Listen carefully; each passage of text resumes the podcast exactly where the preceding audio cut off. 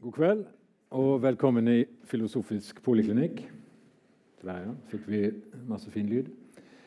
Um, mitt navn er Edvin Skei. Jeg er allmennlege og arbeider masse med undervisning på medisinstudiet i Bergen.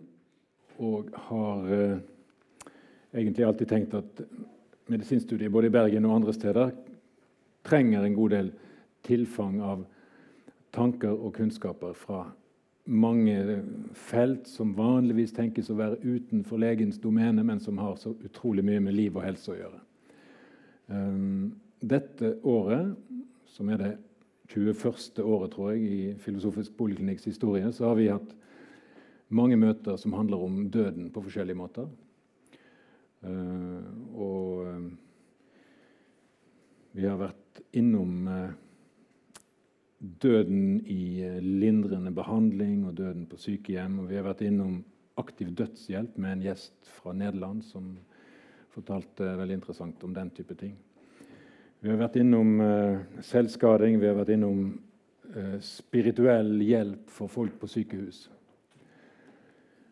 Um, og vi er nå på det nest siste møtet i denne serien om døden. Og det er kanskje på høy tid at vi eh, tar for oss fenomenet sorg på en eh, god og grundig måte. Og Da er det veldig kjekt å ha med seg Atle Dyregrov, som eh, er en verdensledende fagmann innenfor fagfeltet som har med sorg og følelsesmessig bearbeiding av, av tap å gjøre. Som har et vell av erfaring som har vært litt overalt. Han skal først få lov å snakke litt eh, sjøl om temaet sånn sorg som går i lås. Og så skal han og meg snakke litt, og kanskje utvide spekteret innenfor dette. Og så vil vi invitere dere inn til å stille spørsmål eller komme med ideer og tanker som kan gjøre at vi alle sammen går ut litt rikere og litt klokere på forståelse av hva sorg er, og hva det betyr for oss. Atle, vær så god. Takk skal du ha. Takk for eh, en fin innledning. og Du bygger jo opp forventninger, så jeg får prestasjonsangst når jeg står Det har du bare godt av. eh, men jeg har jobbet i 40 år opp mot eh, dødsfall og døden. Først på barneklinikken på Haukeland sykehus. Jeg begynte med å jobbe som assistent for Magne Raundalen med familier som fikk kreftsyke barn. Eh, og også andre alvorlige livstruende sykdommer.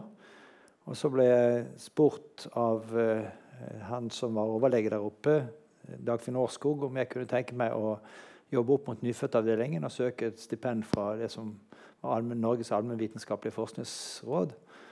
Eh, og fond heter det vel kanskje. men da og det fikk jeg stipend, så jeg var i fire år ved nyfødtavdelingen. Og så nokså snart at uh, selv om jeg jobbet mye opp mot premature barn og deres familier, så var det familier som mistet barn, som uh, var uh, kanskje de som fikk minst oppfølging, og som kanskje hadde behov for mest oppfølging. Så det ble da noe som jeg konsentrerte meg om, og tok også min doktorgrad på det i løpet av 80-tallet. Gikk over i, etter noen år Eh, de fire årene til universitetet. Var fire år der. Og så startet jeg sammen med en kollega Senter for krisepsykologi, som nå er en del av universitetet. Så ringene sluttet. Men i alle årene så har jeg jobbet med oppfølging av foreldre som mister barn, barn som mister foreldre, foreldre som mister, eller eh, de som mister ektefelle. Så jeg, jeg, har vel nesten eh, si 60-70% av min tid gjennom disse årene kliniske tid har vært mot dødsfall. Så, eh, og det har jo selvfølgelig gjort at jeg har fått kontakt med sorg på mange måter. Og er opptatt av hvordan vi kan assistere både tidlig etterpå og over tid. Og samtidig litt av disse dilemmaene som er der med når, når er sorgen normal, og når går den over til noe som vi skal eh, da gjøre ting i forhold til, og som kan tenkes og også kalles jeg, bruk, jeg, tenker aldri på sykdom, men jeg tenker at den, den er så komplisert at du greier ikke å komme ut av det for egen hånd. Og Jo mer plutselig og dramatisk, jo mer ser vi at folk sliter i etterkant. Hvis du mister barn, så, og du mister plutselig, enten det er med ulykker, selvmord, eh, drap, så er det en svensk undersøkelse som viser at det, det er ti ganger, de har ti ganger så mye sykemeldinger over tre uker hos de som har mistet plutselig, enn de som ikke har mistet noen. Altså foreldre som er tilsvarende. Mens ved sykdom så er det fem ganger så mye. Så det er også økonomiske eh, aspekter ved dette. Så jeg skal gå litt inn på også å snakke om det med diagnose og litt om fordeler og ulemper med at det nå er kommet inn en sorgdiagnose. Og også litt av ulempene ved at det er knyttet til én måte å få problemer på, og ikke andre. Så det er dette som når sorgen ikke går over, som har blitt innlemmet som noe som en nå kan i alle fall i, i Verdens helseorganisasjon sitt diagnoseapparat så er det inne. Men eh, sist de gjorde en revisjon, så tok det rundt fire år før dette var nedfelt seg i endringer i norsk helsevesen. Og når jeg tok kontakt med Helsedirektoratet for å spørre når kan en regne med at denne nye diagnosen da effektivt er der ute, så sa de ja, det er mye mer komplisert med revisjonen denne gangen. Så det, fire år var i korteste laget. Så, så eh, det, det, tar sin tid. Men det er i utgangspunktet vanskelig å skille mellom det som er normal eh, versus det som er mer komplisert sorg. Jeg liker bedre termen komplisert sorg. For sorg kan være mer altså det, det, er mye flere komplikasjonsmuligheter enn bare den som går, fortsetter med uforminsket styrke over tid. Eh, men vi tenker jo ofte at det er intensitet og reaksjoner som avgjør. Men det er ikke slik at de reaksjonene som inngår i den diagnosen som er kommet, er, er typeforskjellig fra det som er normalt. Det er mer intensitet og varighet som kommer inn.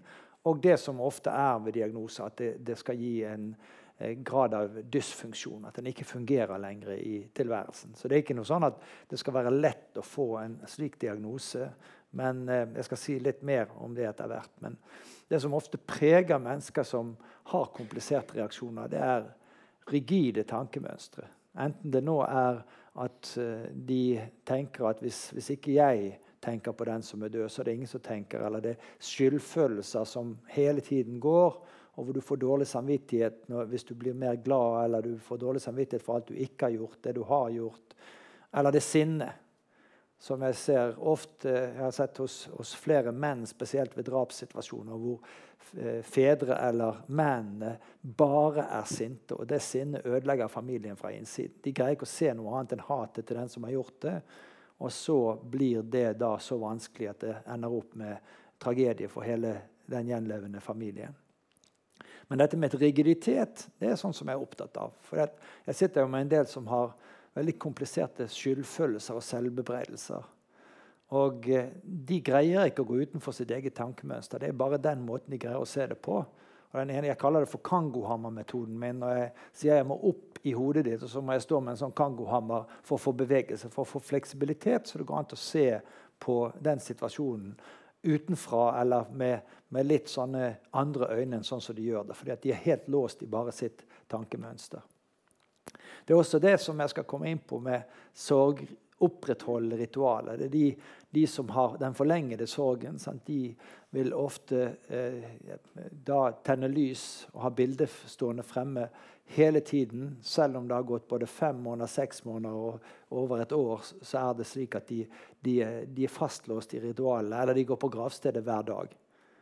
Jeg husker en familie som reiste til meg fra et annet fylke. Og De måtte sørge for at det var noen som gikk på graven når de var vekke. For det var helt umulig å tenke seg at ikke det var noen der. Sånn at det blir tvangsmessig, det som du opplever. Og Da går det utover selvfølgelig det normale. Ehm, det er ikke slik, Jeg tenker at det vil være veldig uheldig hvis, hvis normal sorg skulle begynne å eh, medføre at vi skal gi alle med normal sorg behandling. Men vi kan gi god, tidlig hjelp til alle, for spesielt barnefamilier, som, så de gjør kloke beslutninger i forhold til familien videre.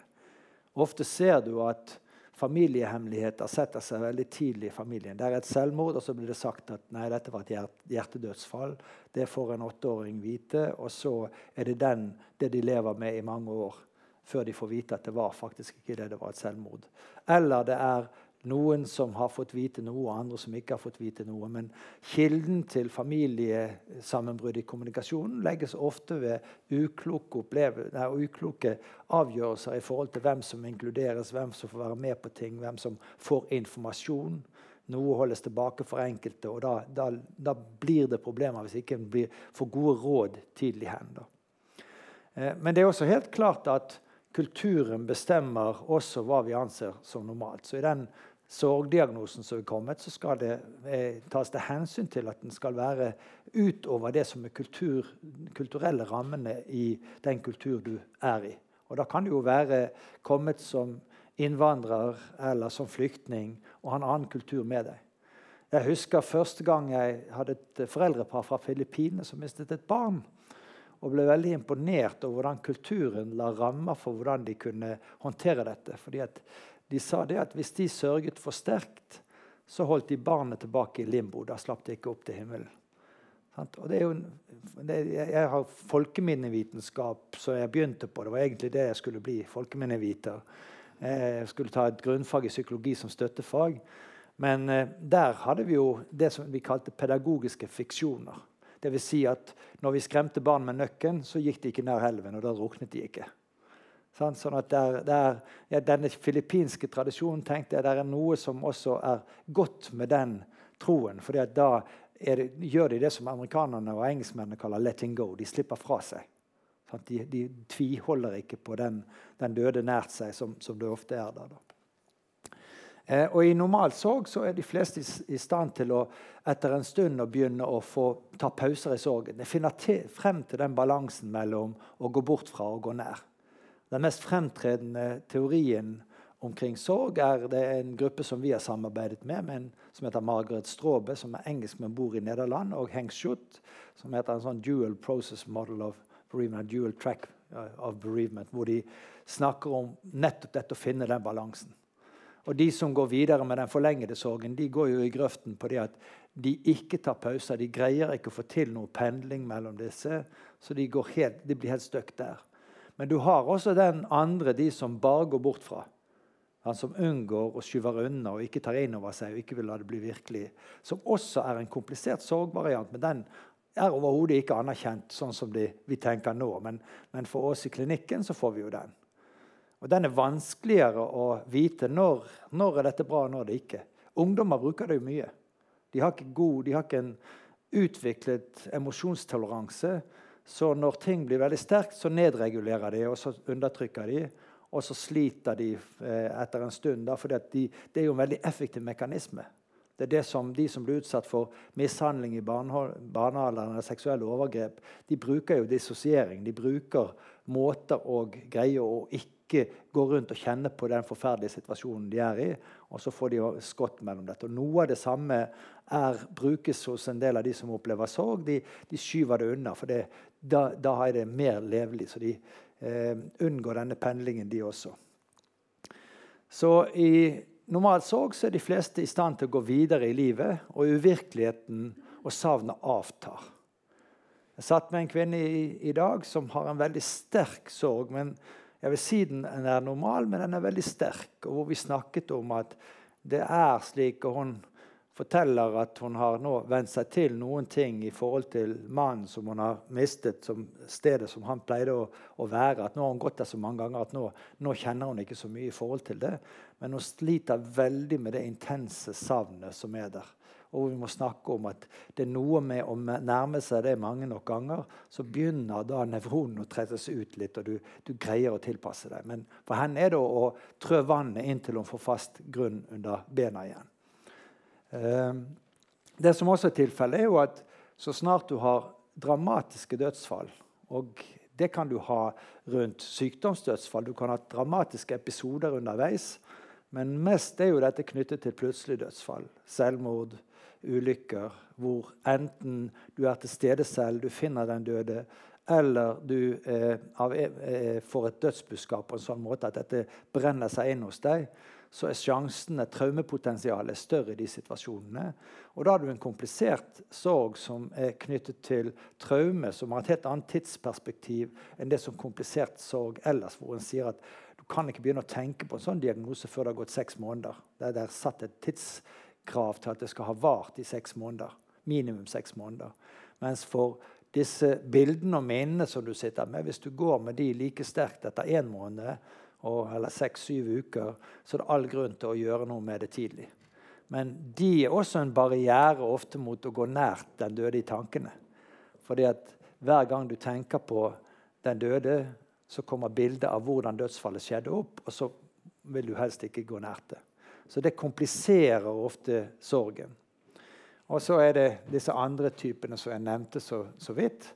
Og det med funksjonstap det er viktig å ta med. Men jeg er, ikke, jeg er, jo opptatt av at selv om noen ikke tilfredsstiller kriterier til det som vil være en ny diagnose, hvis de sliter mye i hverdagen, hvis tilværelsen deres er fylt med kanskje påtrengende, mye påtrengende minner og bilder fra dette som er plagsomme, så vil jeg jo forsøke å hjelpe dem til å regulere det, selv om de ikke tilfredsstiller en eller annen diagnose.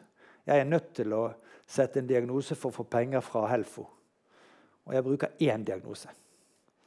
Og det er en F439. Reaksjoner på alvorlig belastning. Den står den eneste jeg bruker. Og Det er ikke riktig å gjøre det sånn, men jeg syns det passer mye bedre. Det er så mange som hvis, du, hvis det skrives eh, reaktiv depresjon, eller noe sånt, så får de problemer med forsikring og andre ting senere. Så jeg er nok en av de som, som ikke Psykologforeningen vil at vi skal differensiere takstbruken vår. Men jeg holder på den, eller disse diagnosekategoriene også, fordi jeg syns det er minst stigmatiserende. Og jeg syns det er uheldig når noen, som jeg, som jeg skal også si på, på, et av bildene her Når noen da eh, eh, sant, må, de må få en diagnose av depresjon, mens de egentlig ikke har depresjon, men de har en, en eh, sorgreaksjon som er vanskelig. Så faresignalene i forhold til komplisert sorg ja, det er jo når, når ritualene ritualiseringen den er veldig tvangspreget. Du må. Og du, du, kjenner at det blir veldig uro hvis du en dag ikke får gjort det som du er kommet inn i som en sånn fast ritual. Jeg sa spøkefullt for noen år siden når, når eh, vi fikk flatskjermer, at jeg var veldig takknemlig for flatskjermer. Fordi at der kunne ikke du sette bilde og blomster oppå. Sant?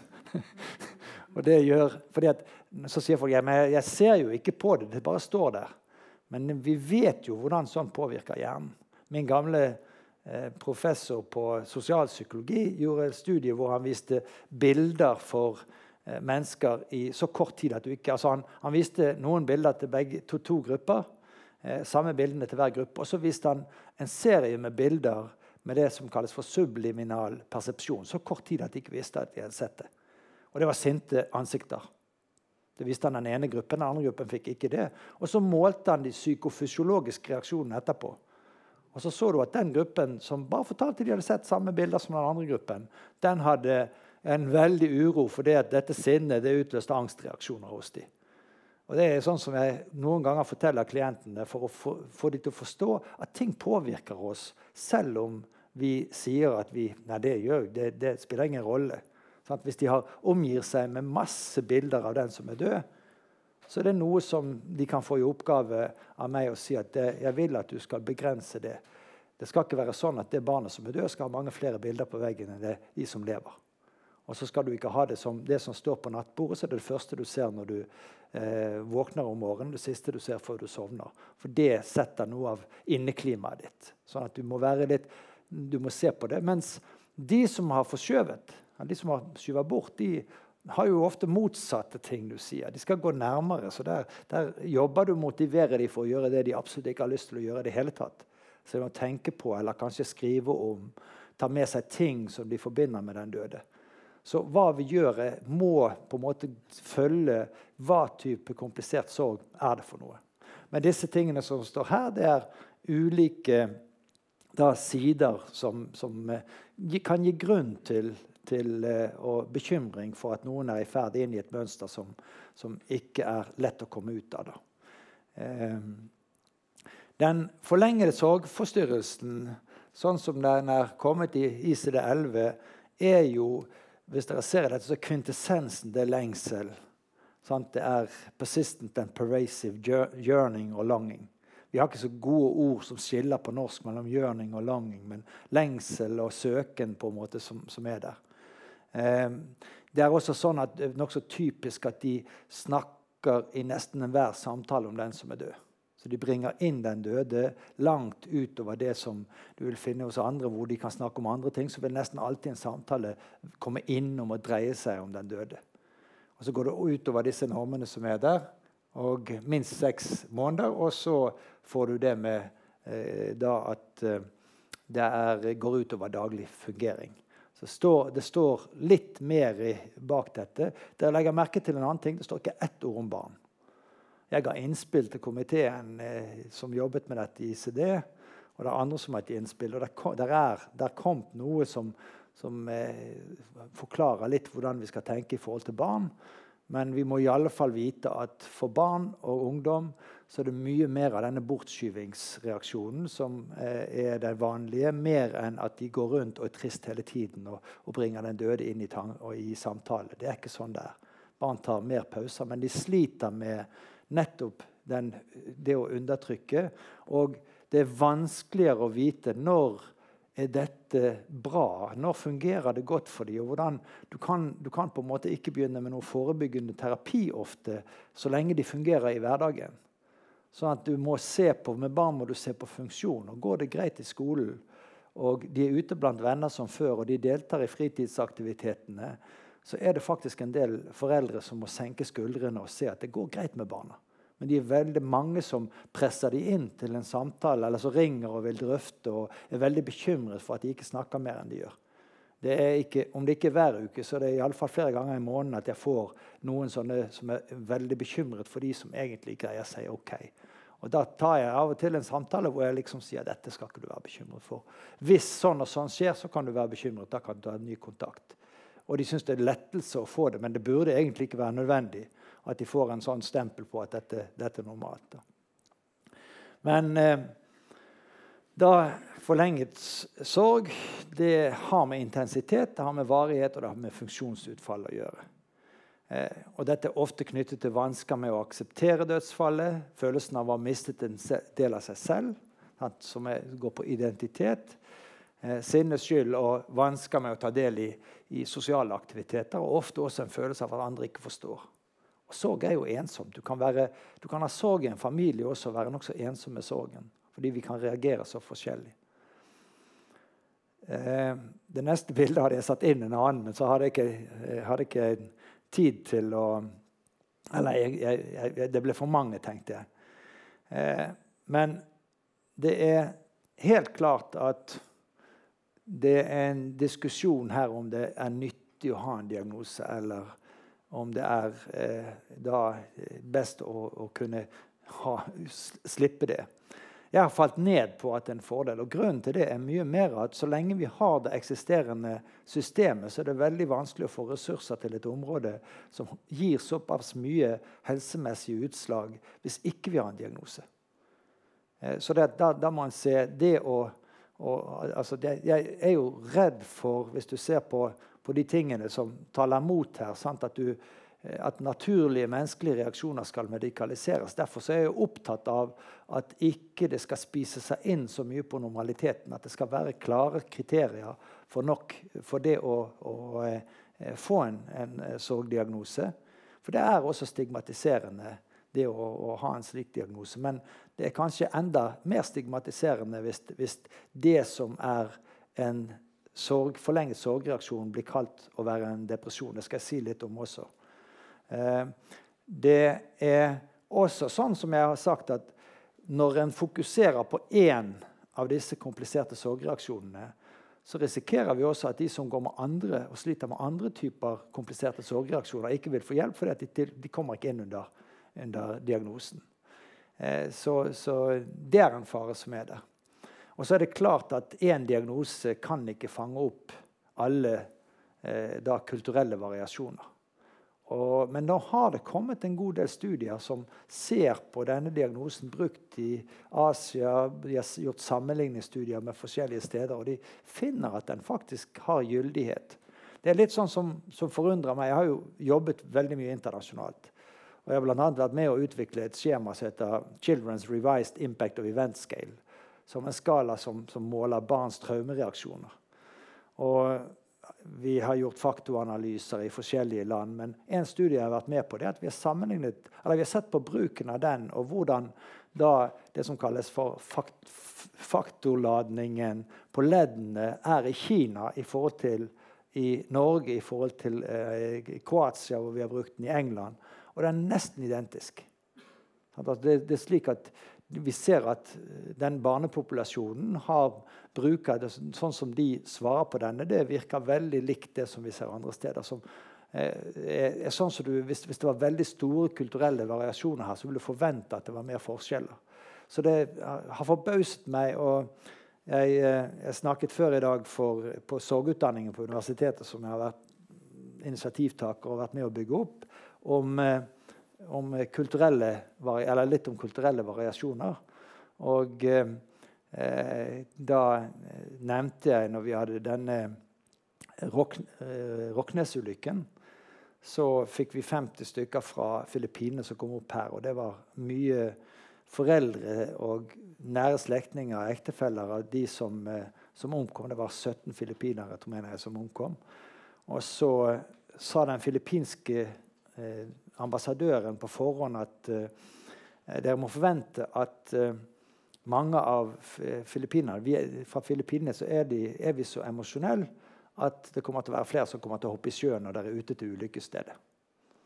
Og jeg var med på planleggingsmøte med politiet og brannvesenet. Jeg kan love dere at da, da ble det sånn. Og brannvesenet som hadde båter, de ville kjøre med tre båter rundt KNM Oslo eller Trondheim eller hvem det var. var ikke den, den som gikk på. Den var ikke, den var ikke ny den gangen.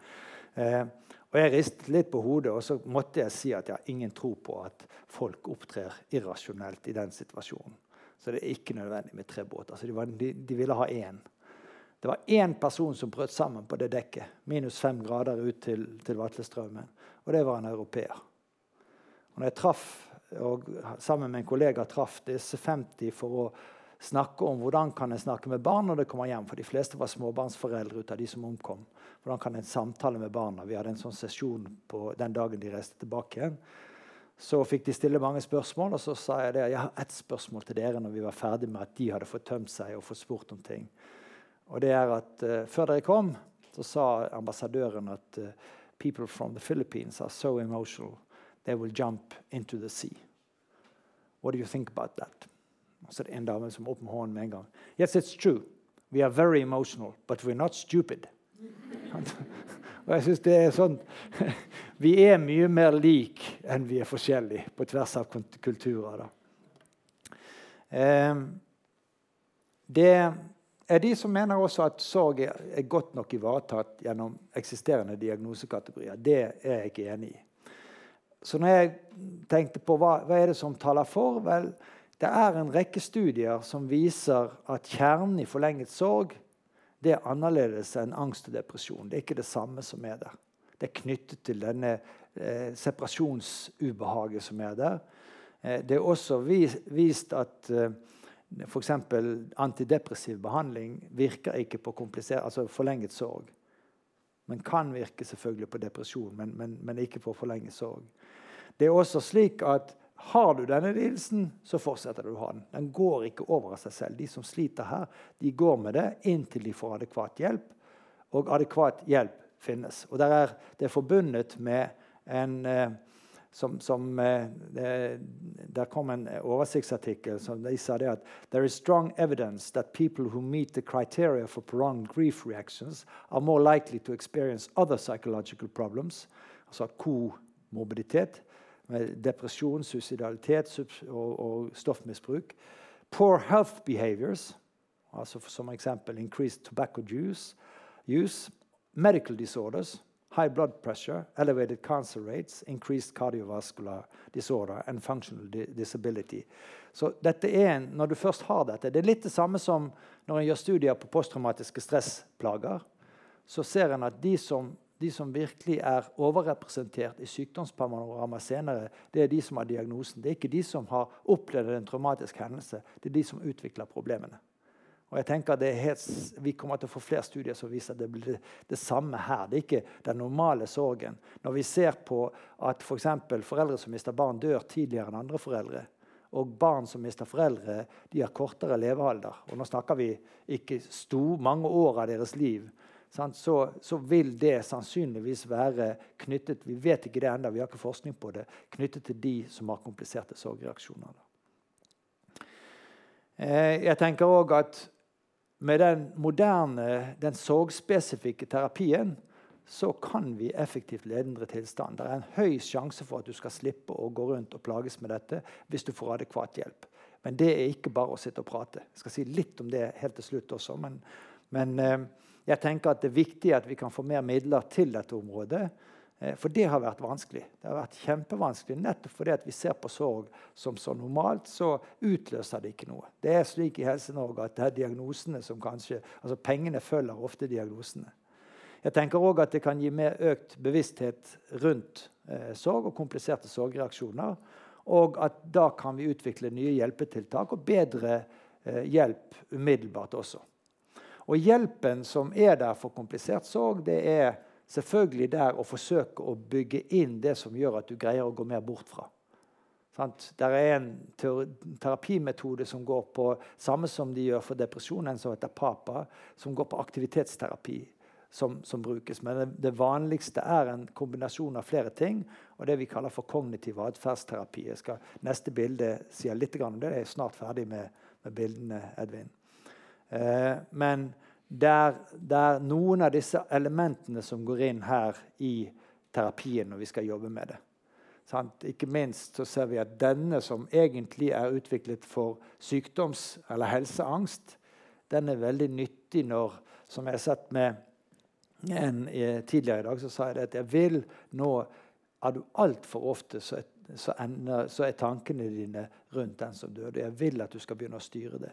Jeg vil at Selv om det er at du distraherer deg med å se noe sløvt på TV, du må ta mer pauser. Og jeg vil at du skal sette av en fast tid hvor du går nær. Og når du går nær der, så kan du skrive om det. Og så fikk hun vite hvordan hun kunne skrive. Vi gikk inn på det. Og så vil jeg at du kan tenke på, du kan tenke på at du eh, da på ulikt vis går inn i fantasien og sier de tingene du aldri fikk tid til å si. Dette er et plutselig dødsfall. Eh, og så resten av tiden, når tanken på han kommer opp, så skal du si til deg selv, uten å bli irritert på deg selv, for den tanken kommer til å komme ofte Dette skal jeg ta i tank, Eller så sier hun fornavnet da på, på, på, på mannen som hun har mistet, i, i hans tid. Og så er det vanskelig å motivere seg for dette, men du er nødt til å gjøre det ofte, for da lager hjernen din en forbindelse som hjelper deg til at dette stopper. De tankene kommer ikke opp til et bevisst nivå.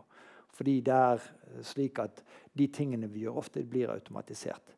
For de som er akademisk anlagt, så snakker jeg om Kahneman sin 'Thinking Fast and Slow'. og sier litt om det. For den viser jo veldig klart hvordan det meste av det vi gjør, er automatisert. Og vi ønsker å få det til mer her. Det betyr ikke at de skal glemme den døde. Men de skal som jeg pleier å si, de skal ha de mer i hjertet og mindre her oppe hele tiden. Og Det er en naturlig prosess over tid. Eh, og For disse så kan det å gå i en sorggruppe føre til mer rumination, eller grubling. Da begynner de å snakke mer om den døde. Og det er en del, spesielt kvinner, som har venninner som er veldig flinke til å opprettholde sorgen, for de er så gode å snakke med. Sant? Da er det co-rumination, kalles det. Samgrubling hvis du bruker et sånt ord på det. Men dette er faktisk noe av det som vi jobber mest med. Sant? Å bygge ned nærværet. Legge plan for å redusere antall gravbesøk. Disse personlige ritualene. Begynne å ordne i effekter. Jeg er en som nå går hos meg, og det var ti år siden datteren hennes eh, eh, døde veldig brått. Og så holder hun på å rydde. Men hun, hun, tar det i så sakte tempo at kom, nå må hun ha det ferdig til nyttår. For da skal hun flytte, flytte, på leilighet. Og så jeg sier du kan ikke ta hvert papir. Du må ta kasse for kasse. For datteren var en samler. Og samlere de har mange kasser. Jeg holder på å skal flytte snart. Jeg ser at vi har, vært, jeg trodde ikke jeg var samler, men det er, er et synlig bevis for samlevirksomheten i, i, oppe på loftet. Eh, og Her utfordrer han også den døde og tankene.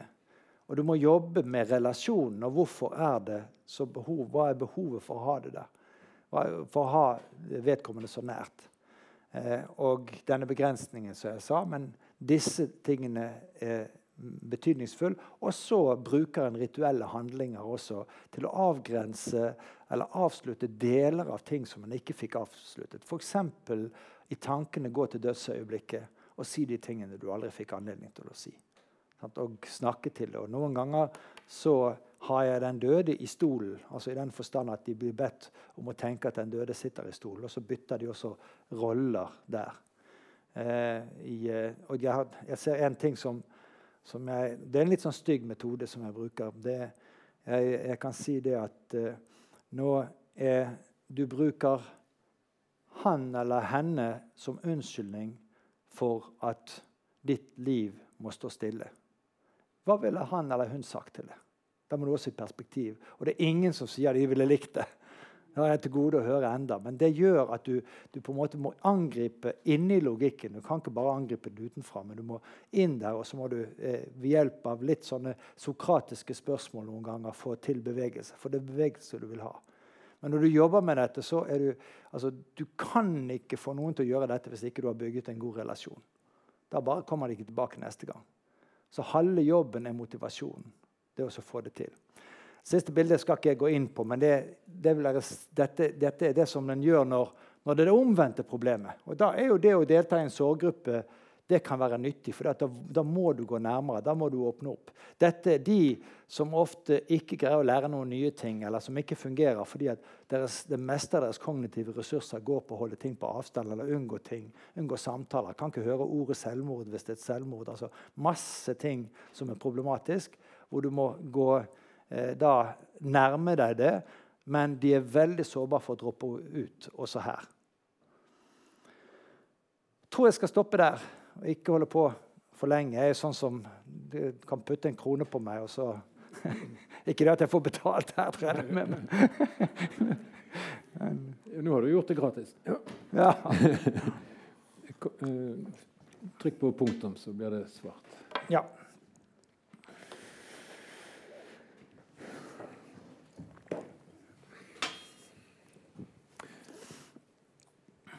Ja. Vi snakket litt på forhånd. og jeg, eh, Du har egentlig gitt meg tillatelse til å eh, bore litt i deg. Er det greit? Ja, Så lenge det ikke er sånn Jeg er livredd for tannleger. Jeg kan alle avslapningsmetoder i denne verden. Idet jeg legger meg ned i tannlegestolen, så er jeg stiv som en pinne. så no help. Ja da. nei, Prøver å vri deg unna nå, men jeg, jeg, har tenkt å gjøre det som jeg skal. Ja. Jeg, jeg, vil, eh, jeg vil høre litt om hva sorg betyr i ditt liv jeg, jeg, møtte den tidlig fordi jeg hadde en mor som døde da jeg var 19. Og eh, jeg fikk eh, Jeg hadde akkurat forlovet meg. Dratt på tur med min forlovede husker jeg det godt, sammen med besteforeldrene over fjellet. Vi forlovet oss, og vi kunne få lov til å sove på samme rom. Trodde vi. Men besteforeldrene tillot oss ikke. Og, så vi fikk, De leide to rom til oss, men vi sov jo sammen. da. Men... Eh, men når vi kom frem til Halden, hvor, hvor eh, min kones bestefar var brannsjef, eh, så eh, kom det telefon hjemmefra. Mine foreldre hadde vært på cruise. At min mor hadde i verste fall 14 dager igjen å leve. I beste fall to måneder. Hun levde i et halvt år. Og jeg så henne visne vekk. Og det gjorde et uutslettelig inntrykk. Og jeg kan fremdeles ha, ha bilder som jeg ser når vi snakker om det. Så det, det jeg husker aller best, det var min far som, som, ikke ville at min mor skulle vite at hun hadde kreft. Så vi kunne ikke snakke om det. Hun visste det, han visste det, vi visste det. Ingen på sykehuset hadde noen altså, de opp, Det var, var, aldri snakk om noe sånt i det hele tatt. Så jeg tror det har vært der når jeg først kom inn på psykologien. Men det var ikke psykologi, psykolog. Jeg begynte på juss. Jeg. Mm. jeg fant det var helt forferdelig kjedelig. Og så folkeminne? Så var det folkeminne. Jeg hoppet over. Men det, det var da Jeg begynte på juss rett etter min mor døde. Altså etter at hun var begravet. Begynte semesteret. Og eh, etter et halvt år så eh, reiste jeg til USA. Brukte opp deler av morsarven på en tur for bare å komme meg vekk. Og kona mi Kari var med. Og når jeg kom tilbake igjen, så fant jeg ut at jeg ville gjøre noe annet. Og da var jeg på et lite fag, så da, da kan du si da greide jeg å stå oppreist igjen. Men så dro jeg til Oslo sammen med henne for kona mi fordi hun tok fysioterapi i skolen. Og så øh, begynte jeg å ta ekstravakter på Ullevål sykehus på medisinsk avdeling og geriatrisk avdeling. Og jeg satt en sommer, det må ha vært i 72, 73 må det ha vært, satt jeg på ni mennesker som døde. Og da kjørte du de ned i kjelleren på Mors-rommet. Og der inne lå der folk fra før av med hvitt laken og så en lapp med navnet på rundt storetåen. Eh, og det var kjempespooky. Men det også var sånn at jeg, jeg kunne ikke forstå hvorfor de som var minst faglært av alle, vi som var studenter, skulle bli satt til å sitte med de som var døende. Der burde, der burde det vært noen som For de, de, snakket jo om sin situasjon. Og noen var ja, ikke så klar i toppen, da, men det var, det var, en sånn ting som preget meg da. Som jeg tror også har vært med at jeg har vært veldig opptatt av alt som har med kommunikasjon og åpenhet og direkthet i forhold til døden. Tenker du det er skadelig å oppleve sånne ting når en er ung? Nei, jeg tror ikke det er skadelig, men, men eh, det gjør sterkt inntrykk. Så det hadde vært godt den gangen om det fantes noe innenfor sykehuset som også tok vare på oss, og spesielt kunne fange opp at når du har, når du har den niende personen du går i kjelleren med i løpet av en sommer, og ingen vet om det i systemet, så, så er det for mye. Og de kunne ikke få inn i huet at jeg ikke var medisinstudent. Så jeg, jeg ble vel opplært å sette sprøyter i Jeg vet akkurat hvordan du skal holde hånden for å sette sprøytene. Og, og, til slutt ga jeg opp å si at jeg var, ikke var medisinstudent, for det hjalp ikke. De, ikke noe særlig hukommelse for det. Du sier det er for mye, og, men hva skulle det bety? Hva er for mye? Eh. Nei, det, det, er noe av å se sant, så avkledd som vi er innenfor døden. Sant, at det spiller ingen rolle hva bakgrunn du har. Og, og da tenker jeg at noen som kunne initiert en samtale med familien og snakke med familien rundt det som kom til å skje, det var ikke, ikke det hele tatt. Så min første, min første mentor når jeg ble psykologistudent, altså Magne Raundal var der, men vi hadde også en dansk eh, Klaus Bane Bansson, som var en foregangsmann i USA, i Jefferson Medical eh, College på det å snakke med, med, kreftpasienter og familiebehandling. Så jeg skrev også min hovedoppgave på psykologistudiet rundt den problematikken. og eh, foreslo at vi skulle få i gang et prosjekt som gikk på uh, kommunikasjon med kreft uh, i kreftfamilier. Men det fikk jeg ikke gehør for den gang. Jeg skal grille deg litt mer tror jeg. Ja, jeg, jeg, våger meg på det. Lage et litt sånn forferdelig tenkt eksempel. Altså, sorgen kommer etter at forferdelige ting har skjedd.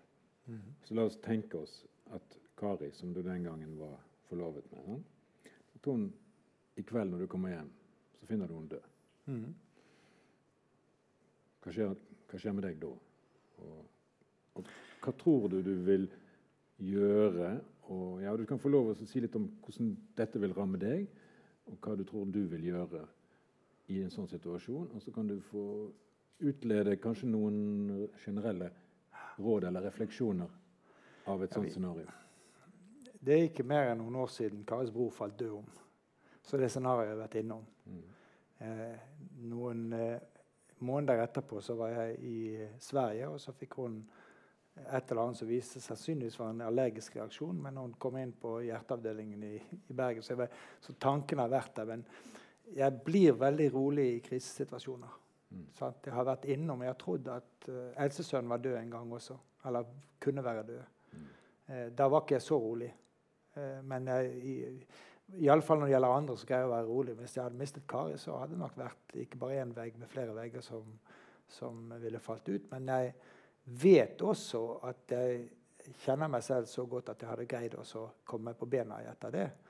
Eh, jeg vet ikke om jeg ville ha gått inn i et nytt forhold, om det hadde blitt for vanskelig. Det, når du har vært gift i snart 50 år med samme person, så, så er det for, kanskje litt for mange vaner som er der. Så, men hadde, det som hadde vært det vanskeligste, var å fortelle til våre barn. Felles barn og barnebarn. Så det, den smerten du vil da utløse hos de, vil det være verre enn din egen smerte? kanskje? Ja, akkurat der og da. For jeg vet hvor enormt glad alle Vi har åtte barnebarn, og vi har tre barn, og de forguder sin, sin mor og sin eh, farmor og mormor. Mm. Og det har de grunn til å gjøre, for hun er en fantastisk person. Så, så, jeg merker når vi snakker om det, at jeg kjenner at tårene kommer nærmere øynene. For bare, bare, tanken på det vil utløse og, og, og tenke at det ville være helt forferdelig. Og så er jeg ikke flink nok til å si det ofte nok. Jeg er nok ikke en som ligger på latsiden med å, å, si det og skrive det. og sånt, men, men, likevel, vi tar hverandre jo litt for mye for gitt. Og hun har en familie som har levd til de over 100, og mine har dødd tidlig. Så jeg tror det blir omvendt hvis det, hvis det blir noe. Da. Men, så det er hun som får trøbbelet? Ja, jeg tror det at det, det er sånn det blir. Mm. Um, det som jeg skal spørre om nå, det har du sikkert tanker om, men jeg lurer litt på det. Hvorfor er vi utstyrt med sorg, som pattedyrsås? Og andre pattedyrssorg? Ja, det, det, er jo hvis vi, Den som har skrevet best om, om sorg, det er en som heter John Bowlby. Ja, som i 1980 ja, han skrev det, og dette er knyttet til attachment. Sant? Det er en forutsetning for livet at vi knytter oss til andre. Ja. Eh, og de som ikke knytter seg så sterkt, de vil jo selvfølgelig i en sorgsituasjon ofte ikke ha det like vanskelig. Men jeg tror at vi vinner så mye mer på å være nært tilknyttet enn vi vinner på å ha, ha en sånn eh, fjern tilknytning, eller usikker tilknytning for den saks skyld. Eh, så, så dette er en, det er en biologisk mekanisme. Ja. Okay. Det var omtrent sånn jeg tenkte òg. At rett og slett vi vet veldig godt at hvis vi mister tilknytningen, så får vi det forferdelig vondt. Mm. Og Det sørger for at vi investerer i tilknytning. Ja. Og det er det som sant, Vi hører de stresskrikene fra våre barn eller de kommer bort fra sikkerhetsbasen. Så har det, det, det at barna begynner å gråte eller å, å gi uttrykk for, for, sin frykt for å komme vekk, det vil med en gang eh, da, eh, appellere til oss på en annen måte enn andre. Så det er gjort en god del undersøkelser og studier på det som er veldig spennende å se også i sånn barnepsykologi. Da. Så dette er en type smerte som har nøyaktig samme funksjon som den smerten vi får når vi tar på en varmeovn. Det hindrer oss i å ta på varmeovner. Mm. Ja, eller de pedagogiske funksjonene som ja. jeg nevnte med, med å få nøkken som holder deg unna. Men her, her, er det tenker jeg, det er et biologisk eh, mekanisme, for du ser den så tidlig, og du ser den i de andre primatene også. Så, og Det er jo veldig spennende å se på noen av disse Både Dave, David Attenborough og andre har har eh, filmer hvor de viser hvordan dyrene sørger over sine, hvordan de forsøker å få liv igjen, og at enten det nå er sjimpanser eller det er elefanter eller andre. Så det, det syns jeg er spennende å, å følge med i. Ja. Um, en annen ting som du var litt inne på, at det kan uh, knytte seg altså, Nå snakker vi om det som et, uh, en del av vår biologiske utrustning. Vi er en, vi er nødt til å ha smerte og den type ting mm for å kunne leve liv som gir overlevelse. Ja, med tilknytning, eller ikke brenne seg, eller hva det er. Um, så når sorgen rammer oss, som den jo vil, så gjelder det å komme forbi det. Uh, sorgen i seg sjøl har ikke noe funksjon mens det bare gjør vondt. Det har faktisk mest funksjon når det ikke er der. Mm. Hvis logikken er riktig? sånn? Ja, ja jeg, jeg, tenker også sånn. Og jeg, jeg tenker det, det, å komme forbi det, eller iallfall komme gjennom det. Forbi mm. det impliserer at det på en måte er lagt bak deg. Men sorg er jo ikke sånn. Når, når eh, Kari og jeg gjorde en studie av foreldre som mistet barn 12-15 år etter at de mistet, så var jo eh, kvinnene var tilbake og kunne sammenlignes med andre kvinner som ikke hadde mistet. Mennene hadde litt mer eh, depressive trekk. da. Men det som kjennetegnet de, det var jo at sorgen var et bakteppe. Så de eh, fullførte barnets liv i fantasien. Og når de passerte årsdager og merkedager, så var det barnet med dem. Men de var ikke dysfunksjonelle. Så jeg tenker at, at, eh, det er jo ikke sånn at jeg, jeg, fremdeles kan Min mor ville vært langt over 100. Det ville vært urealistisk at hun ville ha levd så lenge. Men når det skjer ting, og når det har kommet nye barnebarn, så har jeg tenkt på at dette har hun aldri fått opplevd. Og, det, og, jeg kan tenke på at hun aldri fikk se at det ble mennesker av meg. For jeg tror de hadde sine, når jeg var utvist fra både søndagsskolen og barneskolen, og sånn, så tror jeg ikke de hadde stor tro på at jeg skulle, skulle bli noe menneske av meg, noe skapelig menneske av meg. Det trodde heller ikke han læreren Jeg tror du tar feil. Er sikker på at din mor var absolutt klok nok til å se at det var visse muligheter. Ja, Hun var den klokere de to. Det, min far var stabeis. Sogning. Men du, så ja, for Det du sier nå, er at sorgen veves inn eh, i, i livsveven. I ja. og Den får sine mørke tråder. Det blir fine mønstre av det. Ja, og du kan vokse også på det, men det er ikke noe sånn som vi skal holde frem og si at dette kan du vokse på. Men det er helt klart at at det gjør oss klokere, og det gjør ting altså, det, gjør, det, gir oss positive ting og det gir oss negative ting. Jeg tenker jo at det at jeg mistet en mor så tidlig, har gjort at jeg er litt for rask til å ta avgjørelser. Jeg er blitt vant til jeg er litt sånn self-made. Jeg trenger ikke å konsultere mange for å kunne ta avgjørelser. fordi jeg, jeg, er vant til å greie meg selv.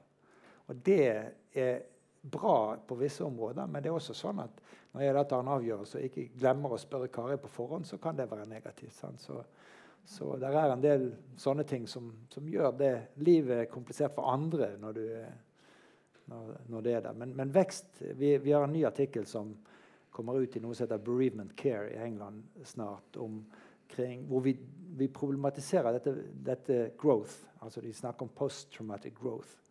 Eh, og sier at vi skal være veldig forsiktige. Vi har skrevet den på norsk tidligere. Var en utvidet utgave nå på, på engelsk. da, Med å bruke floskler og si til folk at dette skal du se, det kinesiske tegnet for krise er at det er muligheter. De, de kommer trekkende med sånt.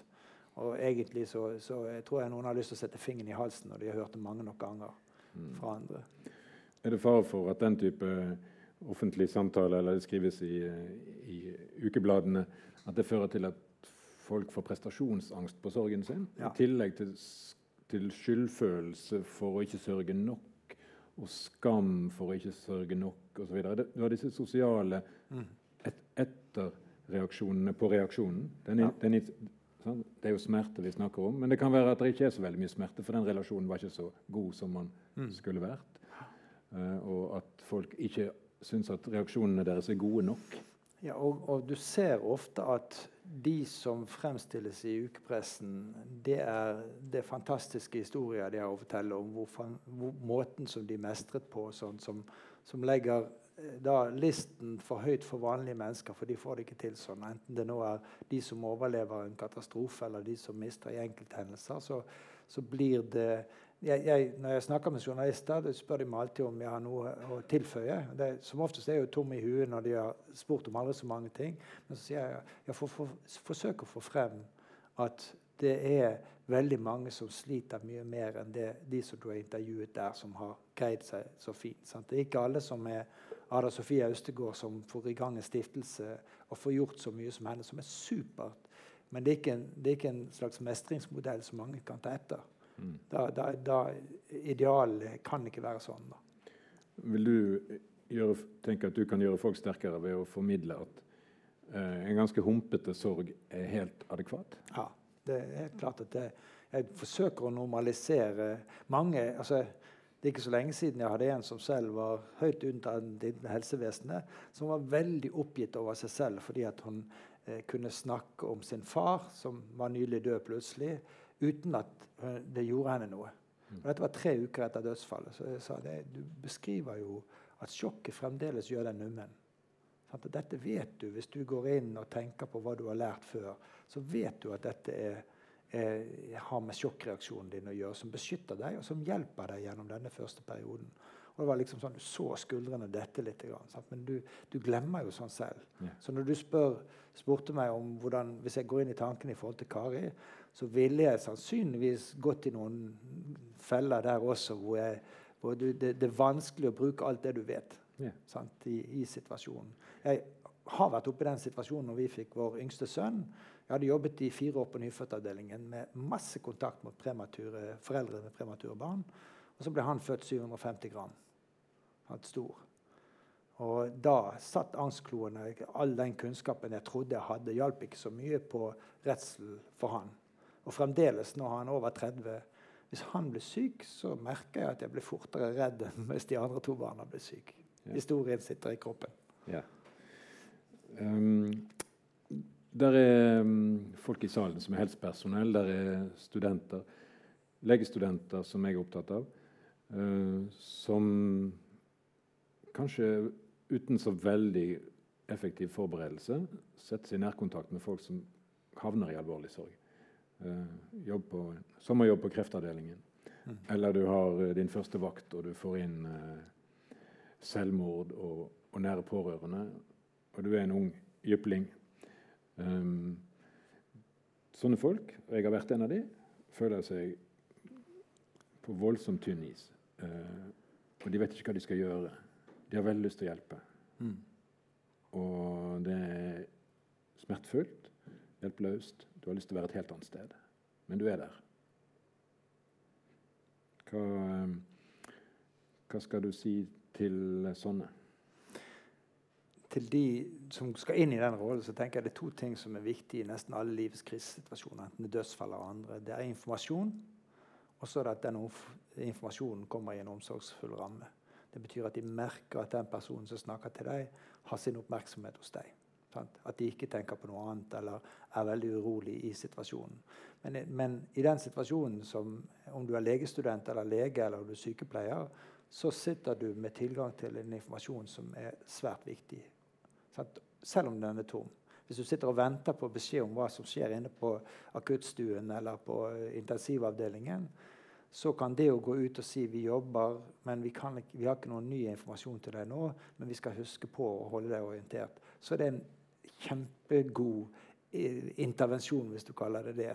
Mm. Men det, er, det, må gis Det må være en omsorg i situasjonen. Om du så også de ser at du reagerer, om det er en tåre i øyet ditt hvis du må gi et dødsbudskap, så er jo ikke det farlig i det hele tatt. Hvis du, som jeg har vært borti, de som forteller om at den som skulle gi nyheten, ender opp med å ligge i fanget til den som skal få nyheten. Da, da er det selvfølgelig ille. Eh, jeg hadde en 15-åring som fortalte om det. som, eh, som var, sånn tenkte det, det, går ikke an. Det går, kan ikke være sant, men det var sant. Eh, og du vet jo ikke hvordan de reagerer.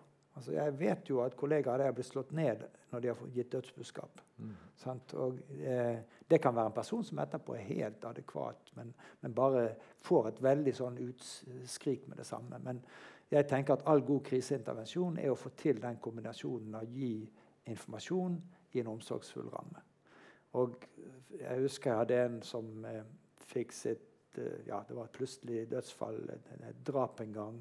Eh, voksen person eh, som står, altså har sunket ned ved siden av den som er, er drept. Og ser opp på politimannen som er der, og så sier, sier de at sant, dette går bra. Hun vet at vedkommende er død. Han står bare der uten å fortrekke trekke min. Det ser du vel at det ikke gjør. Da skaper du en traumesituasjon. For da kan du si det er informasjon, ja, men det er ingen omsorg rundt det.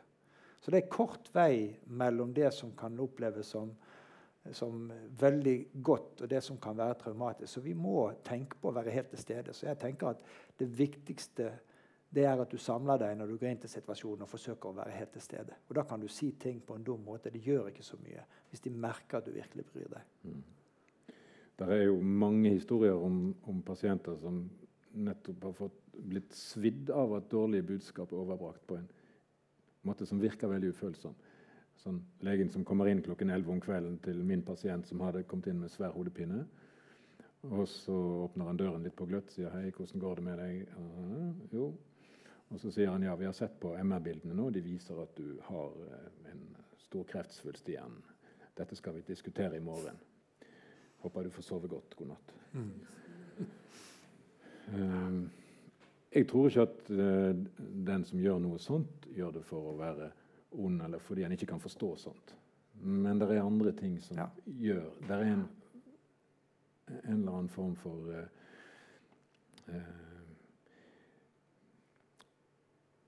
hjelpeløshet eller inkompetanse som det mennesket som har en sånn jobb. Mm. Har ikke fått hjelp til å komme lenger, vet ikke egentlig hvordan han skal lage den omsorgsfulle rammen. Han tenk, føler seg ikke god nok, tror jeg. Eller? Han tenker ikke, tenker ikke psykologisk på situasjonen. sant? Det, det, og det tenker jeg ofte Vi er nødt til å ha psykologien rundt mange slike situasjoner. Jeg foreleste før i dag om, og snakket om eh, katastrofer og i Så fortalte jeg at jeg var involvert i eh, den første skoleskytingen i Europa, i Dunblane. Og der ble jeg tror det var 15 barn som ble skutt og drept, som var akkurat begynt på skolen. Og så læreren deres av en som gikk inn, en Hamilton som gikk inn og skjøt. Og der tok da eh, skoleledelsen sammen med politikerne en beslutning med en gang om at de skulle jevne denne, eh, dette Eh, det, det, skjedde i gymnastikksalen. Dette jevne med jorden. Det ville vært et viktig sted selvfølgelig for de overlevende å vende tilbake igjen til, og for de etterlatte å besøke og se hvor det skjedde. Men en politisk beslutning med noen som ikke tenkte overhodet inn på det psykologiske, gjorde at de da eh, ødela noen av forutsetningene for god mestring. Og jeg tenker at vi skal I mange av disse situasjonene så skal vi anvende tenkning som går utover akkurat det at de skal få informasjon om kreften, og sånt, men å se hva behovene er. Og da, da, må vi ha en referanseramme som er utvidet fra bare den lille medisinske biten. Den må ha med det psykologiske i det. Eh, men, det men, det er ikke lett. Altså jeg, jeg, kan huske fra tiden med kreft, eh, disse barna med kreft at flere av foreldrene fikk diagnosen helt tilfeldig. Forresten, du, det var leukemi på legevisitten som gikk forbi. Eller en lapp med akutt myologen leukemispørsmålstegn som falt ut av Cardex, som de da fanget opp. Og Mai Hauken hos oss har skrevet en artikkel som I learned my, my diagnosis on a post-it uh, note, eller noe sånt skriver Mai, uh, som tittel på den artikkelen. Mm. og det er fra nå. Og da tenker Jeg at jeg, jeg, tror jo ting har blitt bedre. Men fremdeles er det litt for mange sånne slipper som er der. Og jeg ser på en del av de jeg får, som har det som et fint ord kalles for iatrogene lidelser. De lidelsene som er påført av systemet, ja. som er helt unødvendige. Ok, Snart skal vi slippe folk til fra salen. Jeg kunne bare tenke meg av nysgjerrighet å høre Du, du var i Rwanda etter den borgerkrigslignende massedrepingen der. Halvannen million mennesker, hvis jeg husker rett, som ble drept? Eller? Nei, 750 000, okay. mener jeg ja. de regner. Okay, så svære tall. Um, er, er, er, sorgprosessen annerledes når veldig mange er rammet, og når det er en sånn krigslignende hat tilstand som ligger under? Ja, det vanskeliggjør det. Og sant, så får du også sånne Der var det veldig mye reconciliation-tenking etterpå. Da skulle de som dette hadde gått utover, de skulle tilgi og sånt. og eh, det, det vanskeliggjør det. Og en annen ting som vanskeliggjør det, det er jo at i, i, den afrikanske kulturen i Rwanda så var det viktig å kunne gravlegge sine døde. Og så ble det alt tatt i massegraver. slik at de tok vekk noen av det skal vi si, de kulturelle forutsetningene for en god sorg.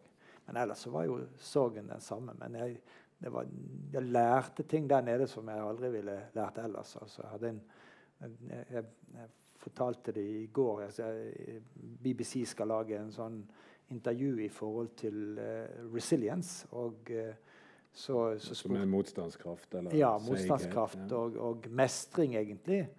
Og så var de litt opptatt av De hadde lest noe av det jeg har skrevet i forhold til Rwanda. Og så fortalte jeg om Josef til, til hun journalisten. Da tror jeg hun holdt på å falle av stolen.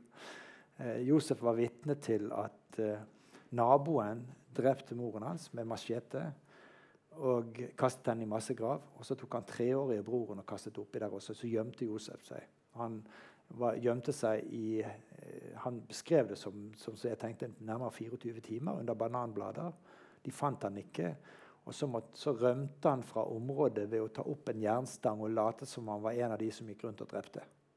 Og så kom han seg ut. Og så traff jeg ham på et barnehjem der som Redd Barna hadde. Og så snakket vi om dette, og så spurte jeg om hva han tenkte burde skje. Med, han, av en eller annen grunn så kalte han, han naboen for Aldo Moro, som en gammel statsminister i Italia. Men det var sånn jeg hørte navnet. i alle fall. Så han, hva skulle skje med Aldo Moro? Så sa han det at jeg vil at han skal komme frem for meg og si at han beklager dette og sier unnskyld. Og så sier jeg, men tenker du ikke at han skulle bøte med livet for det han har gjort? da? Nei, han visste ikke hva han gjorde, sa han. Og det tenker Jeg at han, jeg tror han var rundt 14, han kan ha vært 13, men 14 år. Han hadde en forståelse som altså Han visste jo For det første var det jo veldig mye radiobudskap som gjorde at hvis ikke vi dreper de, så dreper de oss. Som pisket opp stemningen.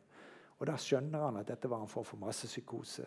Og så er han så, så, når han som den personen kan greie, altså som har gjennomlevd dette, kan greie å tenke sånn, så, så lærer det, det lærer deg noe for, for, livet i det. Så, men det er uten tvil en av de situasjonene som har vært mest spesielt å kunne jobbe og hjelpe for, for UNICEF. Magne og jeg var der gjentatte ganger.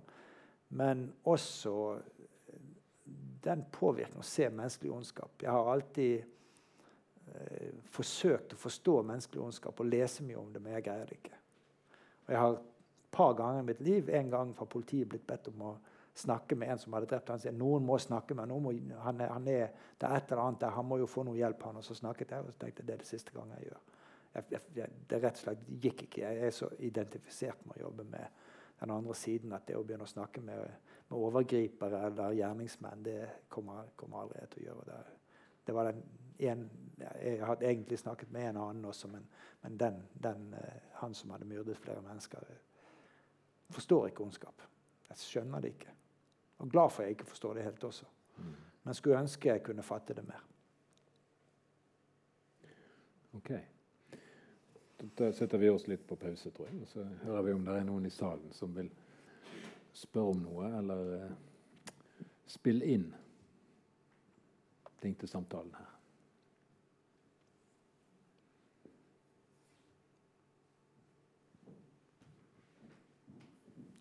Hvis du kan si helt kort hvem du er.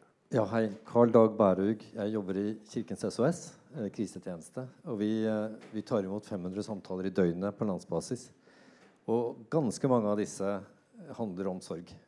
Kanskje 10 eh, To ting som jeg tenker Takk for et veldig spennende foredrag. Det ene er den gruppen som nesten føler litt skam fordi de etter en viss tid eh, fremdeles sørger.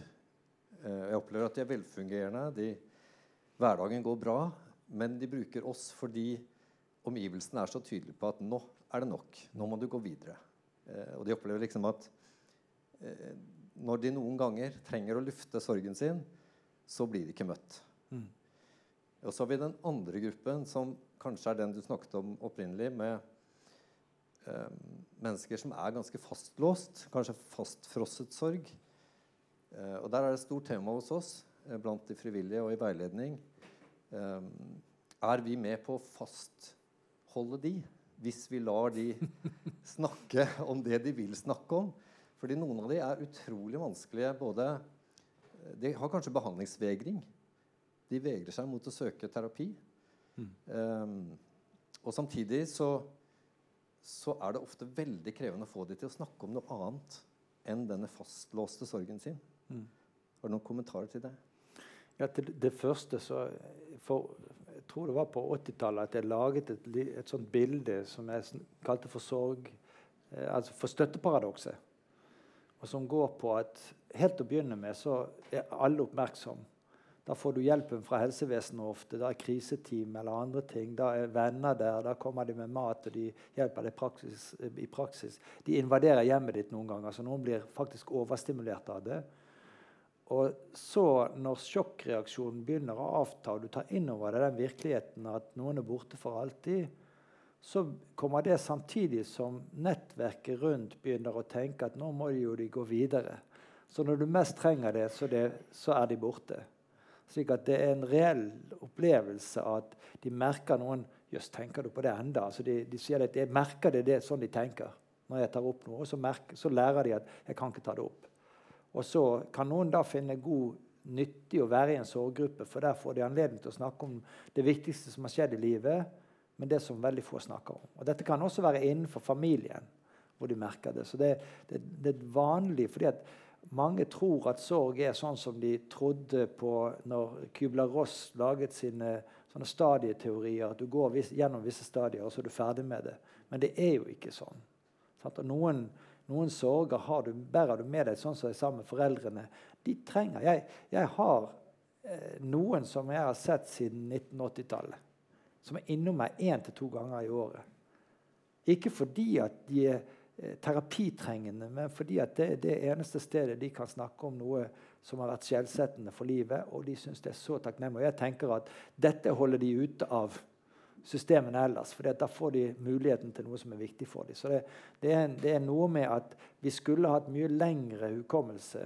Altså kunne se utover. Vi har utviklet jeg laget et opplegg for mange år tilbake igjen for det som jeg kaller for nettverkssamtaler som vi har da overført til familier som får kreft, eh, altså hvor foreldre får kreft, og som er prøvd ut, og som Mai, som jeg nevnte, og Mette Senneset har gjort studier rundt. Og Mette tok vel sin doktorgrad på det også. Eh, men som er en metode som er på å samle nettverket i hjemmet og snakke litt om det lange løp, og hvordan kan, en, kan nettverket sammen, gå sammen om å eh, være der over tid. Og hva trenger familien? De der snakker. Dette har vært, uh, når jeg begynte med det, så var det foreldre som mistet barn. Foreldrene kunne si hvilken type støtte ønsket de. Og så kunne nettverket si hva de kunne tilby. Og så kunne de også nesten ha vaktlister for å stille opp. For Alt kan ikke være helse, helsepersonells oppgave. Eh, og, nå, og det har fungert. Eh, det andre som du tar opp i forhold til Jeg var inne på rumination. Og det er en som heter Susan Nolan Hoksema, som døde i fjor eller i forfjor. En, en psykolog som sammen med en som heter Judith Larsson har gjort mye av den forskningen om det som kalles for grubling på norsk, med rumination, og vist at eh, noe av det som sannsynligvis forklarer at kvinner har mer depresjon enn menn, det er at de, er, de ruminerer mye mer. altså De grubler og de tenker mye mer, slik at de, de tar mindre pause fra det. Mens menn de er litt enklere skrudd sammen. Så det hjelper. De skrur av. Mens kvinner ikke skrur av så mye. Og det var det jeg sa, at Når du da har også venninner som, som, er villige til å snakke, så kan det bli en sånn effekt at du holder, holder ting oppe i for mye samtale. Og ofte må kvinner lære seg å snakke mer, og menn lære seg å snakke Nei, kvinner lærer seg å snakke mindre, og menn lærer seg å snakke mer. Sant? At det er det. Og jeg tenker jo òg at det vil ikke bli mindre av den forlengede sorgen om de snakker med dere. Om det blir mer, tror jeg ikke nødvendigvis, men jeg tror du kan være med å forlenge. De som da går og samtaler med om det er en psykolog eller diakon om sorgen sin eh, skal du si, uke ut og uke inn hvis, hvis, de har denne forlengede sorgen, de kommer ikke videre hvis ikke du begynner å ta grep for å jobbe med å systematisk forsøke å, å få den annerledes. da. Så eh, jeg ville tenkt at det viktigste som en kan gjøre, er å, å, jobbe med hvordan kan vi motivere noen til å få hjelp. og Forklare det litt hva, hva er det som skjer, slik at de blir og Jeg, jeg syns at jeg bruker enormt mye tid på motivasjon. Sant? Fordi at du får ikke noen til å slutte med gravbesøkene eller å tenne lysene hvis ikke de skjønner, og hvis ikke du av og til ta, viser de skriften på veggen. Du kan, du kan, selvfølgelig velge å fortsette sånn som du har det, men du har kommet til meg fordi at dette er andre rundt deg bekymret for, eller du selv er bekymret for det. Og da må du stole på at dette altså Jeg, jeg bruker masse, all, altså Det er noe som heter 'coping ugly'. Og jeg tenker at samme hva du gjør, hvis det kan bringe deg videre når du sliter med noe, så er det mulig å bruke det. Vi kan ikke ha, si at det er bare sånn vi skal takle ting. Vi gjør det som kreves. Og noen de finner måter å gjøre ting på, så jeg sier 'go for it', hvis de får det til. da. Det var et langt svar. Du får kutte meg ned hvis jeg svarer ja, for lenge. Det skal jeg gjøre. Jeg syns du sa helt fornuftige ting. Jeg. Det var greit å høre på. Ja, Eivind Mæland, jeg er med og driver denne klinikken. Ehm, ja, jeg òg vil takke deg for et flott foredrag og fine svar. Jeg satte veldig stor pris på spesielt to ting. Og det at du er så konkret med med metoder for å, eh, for å eh, skape bevegelse og endring. Eh, og det andre var jo dette her med farene med, med sorggrupper. Noen av oss tenker jo i de baner at hvis en får tømme seg, så er det jo veldig, veldig godt. Men det, det er, der er, det er etter min oppfatning eller at deler det som du sier, at det, det er en fare òg med det. med mm med at det skaper eh, grubling og identiteter ja. som en ikke klarer å komme seg ut, ut av.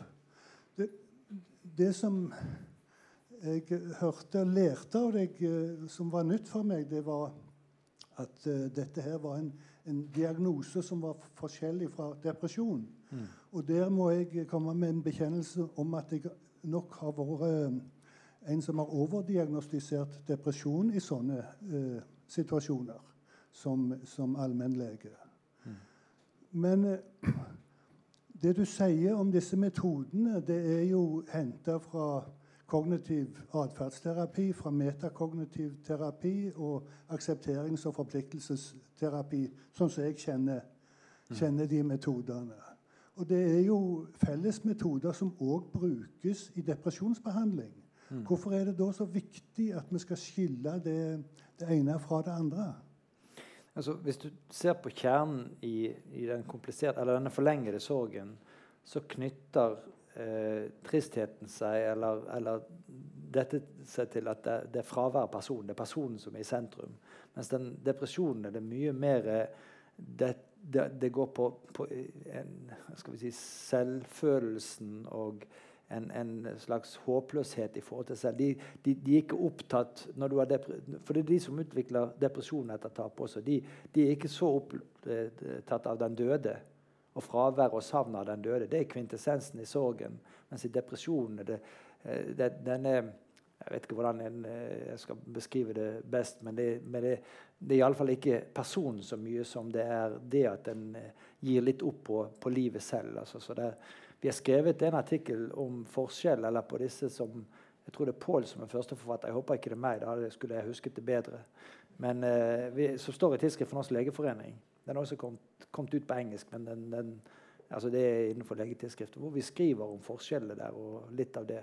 Og jeg forsøker å, å nøste frem et ord som, som eh, jeg tror jeg ikke greier å hente frem fordi jeg har stått og forelest hele dagen. Jeg går på toppen av meg selv akkurat nå. Men, men eh, det er, altså, metodene er ja, det er delvis kognitiv atferdsterapi. Mens i depresjonsbehandling så jobber du med tankemønstrene, disse indre samtalene hvor du forteller deg selv veldig mye sant, om hvor, hvor, hjelpeløs du er, hvor håpløs du er, og, og negative kjerner inni i den tenkningen. Her er det mye mer på, knyttet opp mot måten du tenker i forhold til den avdøde, i forhold til at livet ditt ikke kommer altså Uten den personen så går ikke det an å leve. Og så er det på dette med å jobbe veldig konkret med å kutte ned på ting som du gjør for mye av. Og så ser du jo nesten alltid at ved komplisert og forlenget sorg, så det å gi slipp på sorgen er for mange forbundet med at de ikke Altså dårlig samvittighet for at de ikke tenker nok på. Noen må jo holde minnet ved like. Noen må jo tenke på den som er død. Ingen andre snakker om, så det er min oppgave å ta det. Så det er knyttet til en, nesten en livsoppgave for enkelte. Eh, så det er der, der det, Men det, jeg har jo enkelte som, jeg, som, går hos meg, som har mer sånn depresjon. Og da er det selvfølelsen og selvtilliten. Og noen utvikler jo det. Det er jo, det er jo relativt høy grad av komorbiditet her også. Du kan jo ha både en forlenget sorgforstyrrelse og en depresjon. Og noen har panikkangst i tillegg og, og andre ting. Så det, de har hele panoramaet som de er der. Jeg har en jente som jeg har jobbet med, som mistet faren sin, som selvfølgelig har savn over far. Men hun har kanalisert nesten all, all sin tenkning inn på at hun ser så stygg ut. Det er en nydelig jente.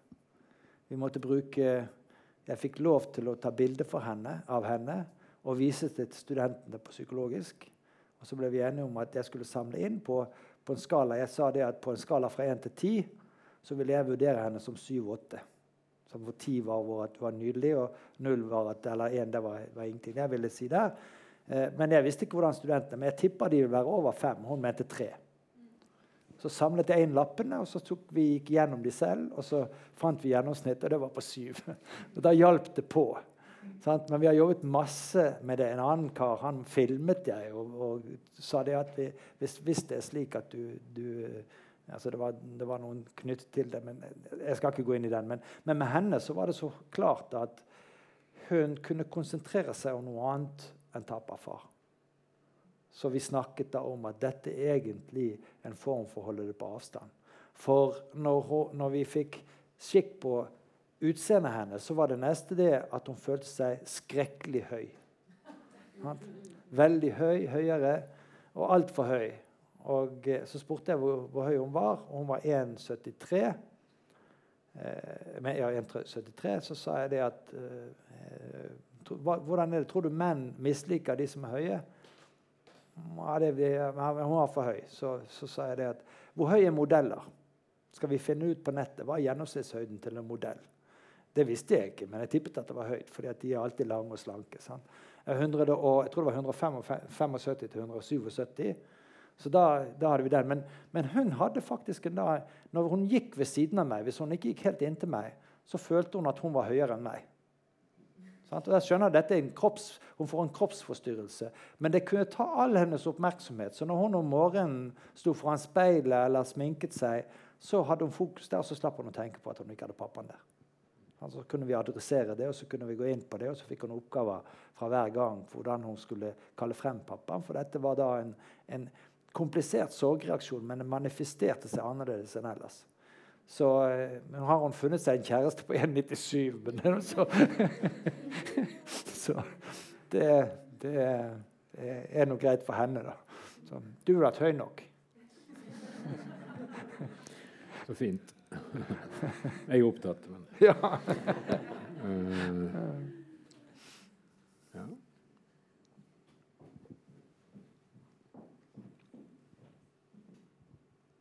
Hei. Eh, Vegard heter jeg.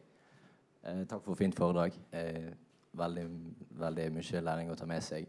Eh, du snakket litt om eh, unge og fortrengelse og undertrykkelse av sorg. da. Mm. Jeg bare lurt på i forhold til å være en hjelpende venn eller en bror, eller er det noen råd til hvordan en skal hjelpe noen som tilsynelatende er altså fortrenger eller Mm. undertrykker sorgen sin? nå? Jeg tenker at en skal alltid høre med de altså, jeg, jeg har skrevet litt om dette med venners sorg og satt det på, på kartet for mange år siden. Og en av, en av eh, eh de som har jobbet hos oss, tok sin doktorgrad på venners sorg etter 22.07. Og jeg møtte grupper i Trondheim og i Oslo og i Bergen av venner. Eh, og har tenkt mye på det. Og jeg tror jo at i utgangspunktet så er det viktigste vi kan gjøre, å høre hvordan en venn vil ha det. Og hvis den vennen er veldig benektende og skyver unna, så kan ikke du tvinge dem til å snakke om det. Men du kan si at jeg, jeg tenker jo at du, det ser ut som du, du er veldig sånn at dette, dette, må du ikke gå nær. Og jeg har lest litt og vet at det kanskje ikke er så lurt for deg. sånn at du kan ta opp en samtale. Men så blir du sannsynligvis avvist første gangen av en som er sånn.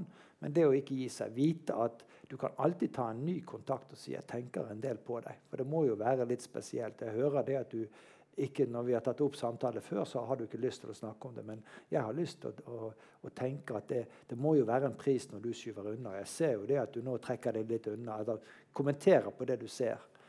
Eh, eller du kan også si at 'jeg er der, er det noen ting?' 'Jeg forstår at du vil ha litt avstand til det, men jeg er der, og jeg kommer til å spørre deg igjen, for jeg er vennen din.' Sånn at en har den. Eh, og så tenker jeg hvis du har en venn som blir dysfunksjonell, så du ser slutter på fotball eller håndball eller hva det er, trekker seg tilbake igjen, ikke med lenger på noen ting, forsøk å motivere dem til å få hjelp. Og det, det, er altså gode måter å hjelpe på. Men også her er det sånn at det hjelper ikke bare å komme til en psykolog eller psykiater eller en, en psykiatrisk sykepleier. Det må være noen som kan noe om sorg.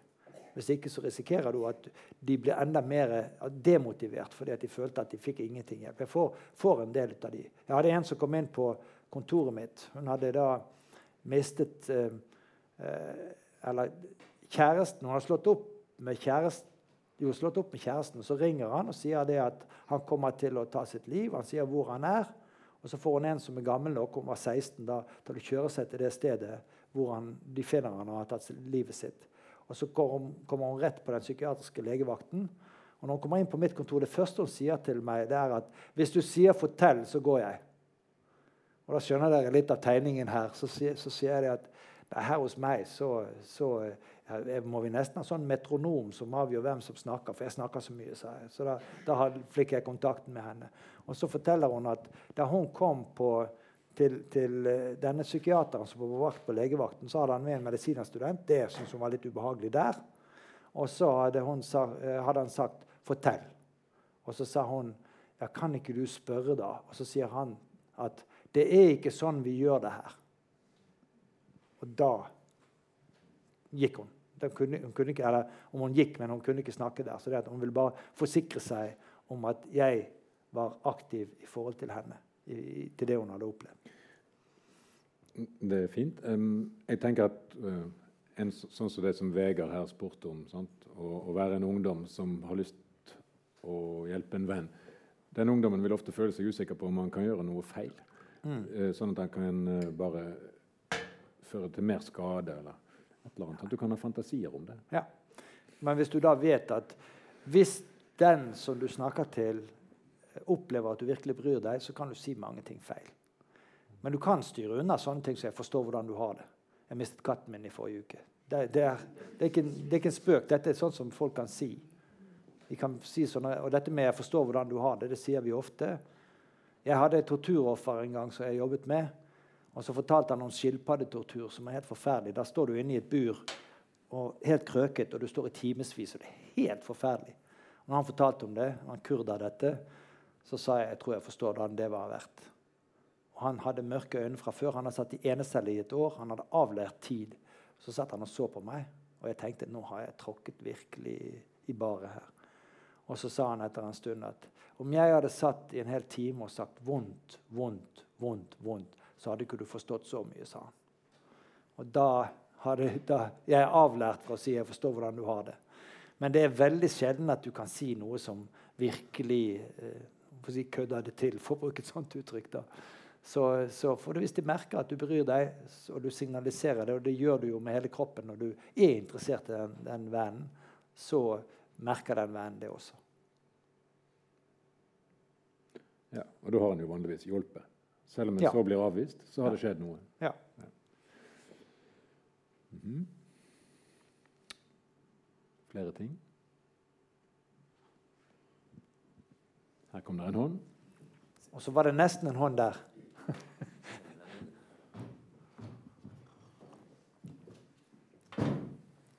Nei, Jeg sitter og tenker litt på hvordan vi møter folk i sorg. Jeg har, har inntrykk av at man har, har tanker om at er det barn, så, så reagerer man sånn. Er det traume, så reagerer man sånn. Mens hvis det er gamle, naturlig død, så ja, da må vi være bare glad for at de fikk slippe på en god måte. Men for den det gjelder, sorg er sorg, og folk opplever det veldig forskjellig. Og Jeg opplevde det sjøl når min mor døde. Da bodde jeg alene, og jeg var ofte hjemme og hjalp henne, for de andre var opptatt med sin familie. Og eh, venner sa til meg at ja, men du må jo være glad for hun fikk slippe. For hun, var, jo, hun var jo klar for det. Og, og selv om hun sovnet inn om kvelden og ikke våkna mer, så var det godt for henne. Og, og jeg følte på en måte at folk skjønte ikke min sorg. Det var jo mora mi, selv om hun var gammel. Jeg var glad for hun fikk slippe, for hun ønsket å få slippe. Hun var klar for å dø. Hun var ikke redd for å dø. Men at man er litt mer tilbakeholden med å, å, å forvente at folk skal reagere på sorgen sin uansett eh, alder og, og historie i, i dødsfallet. At vi møter dem litt mer ydmyke og, og, og lar dem fortelle om eh, hvordan de opplever sorgen sin. Og, og Man trenger lang tid, man trenger kort tid. Det kan være en normal sorg, selv om man, noen bruker litt lengre tid enn andre. Sånn at vi er litt ydmyke over hvordan vi møter folk i sorg uansett. Hvis du hadde sant, Du kan tenke at det var godt at hun fikk slippe, men du skal ikke ha noen andre som sier det til deg. Det være, det er riktig. Det er, noen, sant, det, det er å høre ut hvordan du tenker rundt det. Og så kan det jo hende at det er noe helt spesielt i en relasjon som gjør altså Det å miste foreldre er jo uansett vanskelig. Uansett hvor gammel de er. Men, eh, og så er det noen ganger vi ikke kjenner til en forhistorie heller der. sant? Ja, eh, for mange år siden så hadde jeg en som kom til meg som hadde mistet hunden sin. Og Det er liksom ikke henvisningsgrunn vanligvis til psykolog. Men jeg tok inn fordi det var en som jeg kjente som jeg stoler på dømmekreften til. Og så viste det seg at hun hadde en far som hadde forsøkt å ta livet sitt. Og den hun hadde snakket med, den eneste hun hadde snakket med, det var hunden. Hun hadde fortalt alt til hunden. Så når hunden døde, så var det så mye mer enn hunden som døde for henne også. Sant? Sånn at det var en historie bakom det. Og det er det ofte. Det, det, det, men, men det er klart at vi sjeldnere vil gå inn i en komplisert sorg når noen har levd til sjelsoveralder. Sant? Det, det er når vi, det som kalles for ubetimelige dødsfall. De som skjer utenfor rekkefølgen som skal være, de er vanskeligere der. Men, men det er ikke slik at det er helt uproblematisk å miste foreldre. Det, hvis vi ser på voksne, så er kvinner mellom 20 og 30 en utsatt gruppe når de mister foreldre. av en eller annen grunn. Så ser jeg flere studier, spesielt en, en eh, tysk studie som viser det, at mange strever veldig. og da er jo vanligvis mødrene da dør hvis du er mellom 20 og 30. Så dør de når du skal bruke, de mye i din egen familie som de som er der som bestemødre og som samtalepartnere. Så, så der er det en, en utsatt gruppe. Så jeg syns jo det For jeg blir spurt eh, om hvordan er det å miste på den måten og den måten og i den alder og den alder. At det er, på Av og til så kan man tenke det som å sammenligne en bombe på ett megatonn med to megatonn og tre megatonn. Det spiller jo ingen rolle. Det er nokså vanskelig samme hvilken av de bombene du blir truffet av. Da. Jeg så tenker også på det. Kanskje det har noe å si at jeg mistet faren min da jeg var 25. Mm. Så når hun da døde, så var det, da var det ikke noen igjen av den generasjonen. Nei. Og det kan kanskje påvirke det òg. Ja, ja. Du blir forskjøvet tidlig opp i den generasjonen, og du mister litt av kontakten mot historien. Jeg vil koble meg litt på dette, for du minner oss på at uh, vi kan jo ikke vite hvordan den enkelte eh, opplever sin sorg. Nei? Og, og nettopp det at det kan være Vi kan ha en sånn fordom eller en stereotypi om at hvis den, den som dør, er gammel nok, så er det liksom ikke noe skikkelig sorg. Men det kan vi altså ikke vite. Sant? Det er ikke sånn å tenke på hvorfor ble Sokrates utropt til den viseste i verden sant? av oraklet i Delfi. Og, og Sokrates sitt svar var at det eneste jeg vet, er at jeg ikke vet noe. Mm. Og Det er jo en enorm treningssak å skjønne det i en situasjon hvor hjernen kommer med en eller annen fordom. Nei, det vet du ikke. Det er faktisk veldig avansert. Vi har, vi har et tungt emne vi snakker om. Men jeg, første gang jeg gjorde et intervju av en sørgende, det var på oppdrag har, Det kom en sykepleierprofessor til Bergen, Ulla Kvarnstrøm, som noen av dere husker og kjenner. Og, og jeg fikk en sånn et, et, Som student så trengte jeg å få litt penger inn, og så gjorde jeg et uh, intervju med en enke. Jeg kan fremdeles vite, vet jeg akkurat hvilket hus det var. Jeg vet hvordan jeg kan se for meg hvor jeg satt. Inn på kjøkkenet, opp en trapp, og der satte vi oss ned. Og hun hadde mistet mannen sin. Hun var i 50-årene. Og jeg hadde en lang, lang intervjuguide. Og jeg hadde lagt ansiktet mitt i de riktige foldene. der, sant? Jeg skulle møte en, og jeg var student og måtte opptre. Og etter hvert som spørsmålene mine kom opp, så ble mine øyne større og større. Hun kunne danset på bordet. Endelig var hun kvitt dette åket av en mann hun hadde måttet leve med i 20 år. Og det ga meg virkelig en sånn opplevelse av at sorg kan være så mye forskjellig. Så, så det, det som var det Det kom aldri med i forskningsstudien, det, det caset der. Det, men det der trenger litt latter innimellom også. Det er ikke av mangel på respekt for døden, men det er at det er også, det er også noen ganger veldig mye latter. Og jeg merker at med familier jeg sitter med, så vet jeg noe om mestringspotensialet gjennom om de har tilgang til humoren. Men jeg kan ikke være den som altså Selvfølgelig kan jeg si noe feil som de kan le av, men, men jeg kan ikke være den som introduserer humor. Men når de gjør det, så gir det meg mange, med en pekepinn på familiens mestringsevne. Sant? Hvis de kan le sammen tidlig etterpå. Jeg ser deg. Bare, du minner meg om en gang jeg sa til en pasient som kom og fortalte Det var en dame i 30-årene som kom og fortalte at nå er far død. Og så sa jeg ja, da får du vel sprette champagnen. Ja. Og det var jo fordi at jeg kjente henne veldig godt og hadde hjulpet henne gjennom en jækla prosess med å finne ut at faren og brødrene hadde misbrukt henne seksuelt da hun var liten. Ja. Uh, og hun hadde bearbeidet det så langt at hun egentlig bare kom til meg for å litt sånn Nå er han død, hva skal jeg gjøre? Og jeg kjente henne godt nok til å tenke hun har ikke noe sorg. Hun er lettet og glad og har, eh, trenger en godkjentstempel på det. Ja. Så jeg hoppet til det. champagne. Så smilte hun. Etter det så gikk hun over til hippieklær i en lang periode. Men eh, samtidig Edvin, så kan det jo kanskje noen ganger være sånn at eh, kompliserte forhold altså ved dødsfall kan det vel bli utløst sorgreaksjoner over det som ikke var, eller noe i den duren. Så det er vel også en mulighet. Um, Ingvild Hannestad heter jeg, gynekolog og i styret i Filosofisk poliklinikk.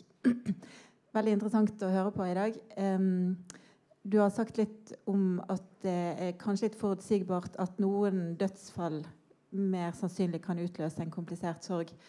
Eh, men jeg sitter og tenker litt på om du har noe å dele med oss når det gjelder Er det noe eh, altså det det, Vi kan jo ikke gjette på at det skal skje en ulykke, men hvis f.eks. Eh, det er ventede dødsfall, kan man som helsepersonell eller pårørende eller venn eh, er det noen, være obs på noen risikofaktorer i forhold til dette kan bli vanskelig etterpå?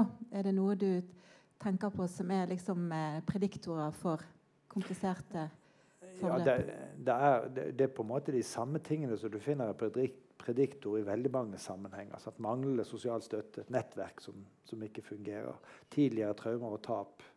Det, det kommer veldig eh, raskt opp. da. Du nevnte så vidt det med ambivalent eh, forhold. Det, det er litt sånn det, Jeg, jeg syns jo at det er ikke så utbredt som litteraturen sa tidligere. Så har det kommet noen studier som viser at faktisk en del så er det ikke så ambivalent. Har du, har du hatt en person som dør, som har vært et helvete for deg i oppvekst, eller på annet vis, så blir det ikke så ofte komplisert som en vil si det. Men for noen er det det. Og jeg synes jo også da, da er det viktig når du møter sånn at det går an til å kunne sørge over de fine tingene som en har hatt, og samtidig kunne være sint. Så det er litt sånn som med selvmord. Det er en del som ikke får frem noe, eller ikke merker noe sinne til å begynne med. Men veldig mange må forholde seg til at den handlingen tross alt setter hele familien i en veldig vanskelig situasjon. Men samtidig kan de ha sorg over alt det som den personen Og noen sier det var sykdommen som tok livet hans. Det var ikke hans. Og da løser de det på den måten. Men, men Eh, jeg tror det er Colin Murray Parks som har laget også en sånn liste, sånn skjema som en kan bruke litt til å identifisere risikomomenter. Eh, og det finnes etter hvert òg spørreskjema som nettopp er laget for å kunne gjøre litt sånn screening på familier på, på forhånd for å se disse må vi følge spesielt med. Men det er vanskelig f.eks. å bruke hvordan folk reagerer i akuttsituasjonen som en god skal du si, prediktor for hvordan det går senere. Sånn, den, en, person, en familie som jeg hadde, hvor, hvor far slo ned legen som kom med dødsbudskapet, ville jeg aldri drømt om at han kunne ha gjort noe sånt. Det fikk jeg vite av omveier. Sant? Jeg forsøkte å fritte litt ut om det noen år etterpå. Så kom konen raskt inn og så sa noen ting om at nei, det pleier å være meg som som reagerer så sterkt og blir så, så emosjonell. Den gangen var det han. Sa ingenting om at han hadde slått ned legen. Så jeg kunne ikke, jeg kunne ikke si noe, for jeg hadde den kunnskapen på en måte som, som de ikke visste. da. Men sant, det, det å, å, bruke umiddelbare reaksjoner som en prediktor er veldig dårlig. Men hvis du følger noen i de første ukene etterpå, så ser du jo også etter hvert da, hva er reaksjonspanoramaet når det blir veldig sterkt. At her må vi ha en oppfølging som går med det. Men det, det, det er sosial støtte, det er tidligere traumer og tap eh, eh, og slike faktorer som er best å bruke da som utgangspunkt. Så bare en liten kommentar til. Når man som venn eller sånn skal si noe, så må man time det litt godt. Jeg har en, en liten historie selv hvor jeg, jeg mistet foreldrene mine da jeg var i 20-årene. Mistet jeg begge to i løpet av ett år. Og var kom tilbake igjen på jobb. og jobbet i akuttmottaket på Haraldsplass, var turnuskandidat. og Det er utfordrende nok i seg selv. Og Så kommer det inn eh, en eldre dame med sin datter, og denne damen var relativt syk. Og så jeg gjorde det jeg skulle, og så og var i den rollen jeg skulle være i. Og så plutselig så ser datteren på meg, så sier hun Å, gud, nå ser jeg navnet ditt. Du har jo nettopp blitt foreldreløs, du. Det var jo mye empati og forferdelig dårlig timing. Det ble ikke så veldig lett den vakten der. Nei. Nei. Og det er jo sånn at Noen ganger så er det kommentarer som kommer som setter oss helt ut. Så det Jeg ser ingen hender nå, så jeg, jeg, hopper inn med en erfaring. Min erfaring i turnus som jeg kanskje husker aller best, det var muligens også første gangen jeg i legerollen fikk en veldig sorg i hendene på en fæl måte, egentlig. Uh, en dame på ca. 60 år, som jeg den gangen syntes var en eldgammel dame. Uh, hun kom i akuttmottak, nei, ja, kirurgisk avdeling, Namdal fylkessykehus. Hun hadde blitt funnet i kjelleren på sin gård i, oppe i Namdalen et sted. Uh, hadde kuttet begge pulsårene.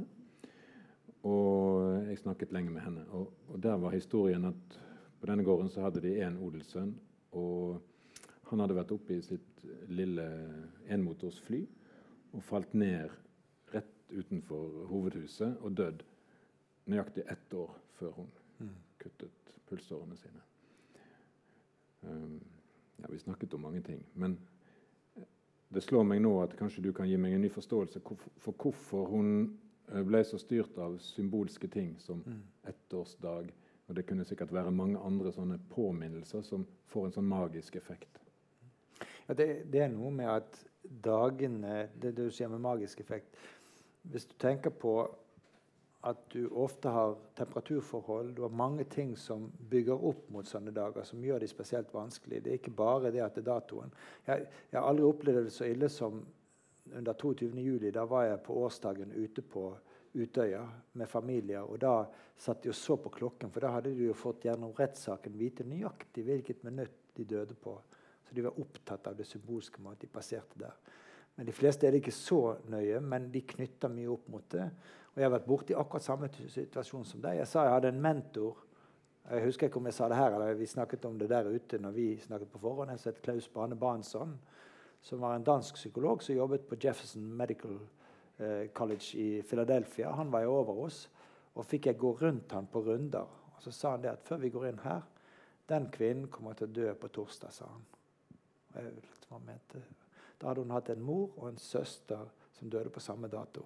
To år. Og hun har bestemt seg for at hun kommer til å dø der. Og det gjorde hun. Og det, det, sånn nesten, og det var sykdom. Sant? Det er ikke å ta, ta livet sitt. Men, men, det er en del ting som vi ikke helt forstår. Sant? Og det er jo dette med voodoo death, de som bestemmer seg for å dø, og som blir out Hva heter det for noe? Uh, og, altså utstøtt av stammen, som, som, også kan på en måte bare dø der. Så det er psykologiske forhold som er nokså dype. Mm. Men det er en del som bestemmer seg for å bruke de datoene. Sant? Og gjør det da. Uh, og jeg, jeg har vært borti mange i løpet av de 40 årene jeg har jobbet i, i det. Mange er ikke riktig å si, men i alle fall opp mot ti som har, har valgt datoen til noe spesielt. da. Så. Ja. Vi kan holde på noen minutter til hvis vi har noen som vil si noe. Og det ser ikke sånn ut. Jo da. Det er to. Vi har så motlys at jeg, har, jeg ser når bevegelsen er der, men det er ikke lett å se dere fordi at disse her lyskasterne de blinder oss litt. Så vi gjør sånn, så Hei, Tiril heter jeg. Mer en observasjon enn et spørsmål, da. Men um, ja, jeg opplevde at mamma fikk ALS da jeg var ganske ung.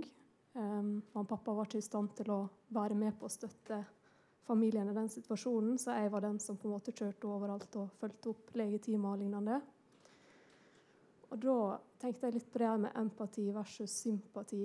At du kommer og snakker med noen på en måte der du går ut ifra at du ikke vet hvordan de har det, versus å dukke opp med lang erfaring og mye å sammenligne det med, og derfor behandle folk litt på en forutinntatt måte. Mm. Det opplevde jeg veldig når jeg var på nevrologisk i Molde, f.eks. At det var litt sånn samlebands-ALS. da.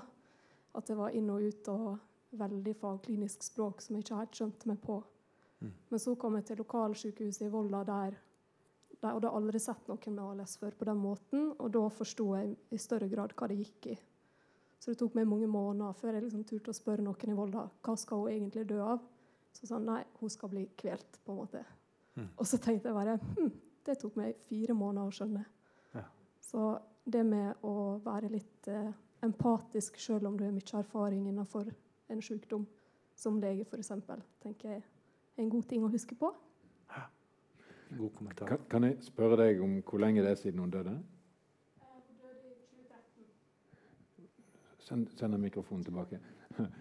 Jeg, vil ikke, jeg, vil ikke, tvinge deg til å ha en samtale med meg, men kan jeg spørre deg om din sorg?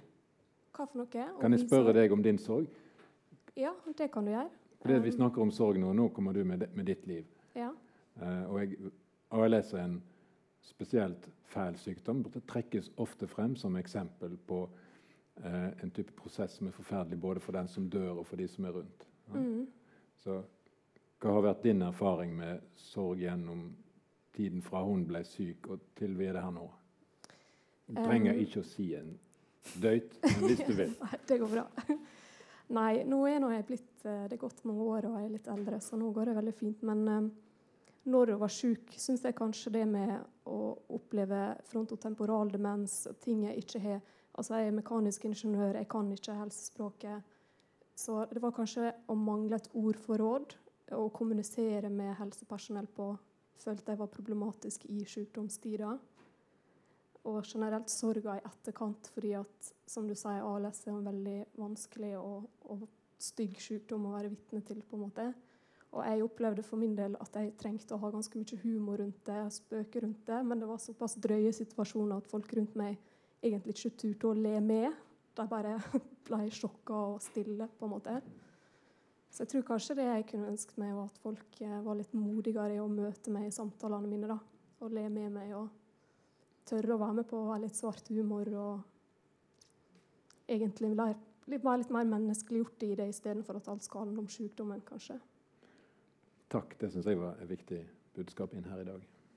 Kan jeg få kommentere for det at jeg syns det er flott det du sier. Men det jeg lytter meg til der, det er noe som jeg har observert ofte i forhold til sykehus. det er at de som er pårørende eller pasienter, blir altså de, Det er nesten en hel sånn sosiologi Du må lære systemene. Ingvar Løken skrev bøker om dette. Jeg har et mellomfag i sosiologi og var mye inne på det med medisinsk sosiologi da. og Han skriver veldig godt om, om disse aspektene ved at det er så mye ved systemet som du må lære som pårørende når du er der. Og hvis ikke noen hjelper deg til å forstå sant, både ordbruk og alt, de som, de som, er innenfor en viss lingo sant? Når jeg snakker, så bruker jeg psykologiske uttrykk. Men det er ikke sikkert at dere skjønner de samme uttrykkene som jeg gjør. For jeg er så vant til å bruke de at jeg tar for gitt at dere også forstår de. Og sånn tenker jeg det også er ofte med, med medisinsk personell. At det, de bruker uttrykk som de vanlige folk Jeg har satt inne på en god del gjennomgang av obduksjonsrapporter med patologer og med andre og når jeg hører ordene som de bruker, jeg tenker dette er jo gresk. Så jeg bare spørre, stiller spørsmål. Eh, kan du si litt mer hva du mener med det ordet? For jeg vet at det skjønner ikke de som jeg sitter der med. Og det er at vi, vi, tar, vi tar, for gitt. Men det andre jeg, hadde lyst til, jeg hadde lyst til å spørre deg om en ting også. det er at eh, Hvor, hvor gammel var du når, når, hun ble syk? Du sa kanskje det, men jeg fikk det ikke helt med meg. Um, jeg var 19 når hun ble syk, men hun fikk ikke diagnoser før to år etterpå. Så det var veldig langt sykdomsforløp. Men du er likevel ung. Mm. Og jeg tenker, I forhold til dine jevnaldrende, hvor mye, du, hvor mye gikk du noen, noen du si, steg forbi de i modningsprosess? For det er ikke slik at vi er ferdig utviklet når vi er 18. Vi fortsetter frem til vi, mot, vi er 30 med, med, en del funksjoner. Var, var, det en sånn at det ble misforhold mellom hvordan de forsto verden, og din, din forhold, ditt forholdssett til verden? Som ikke hadde den samme belastninga som de andre utenfor deg? eller?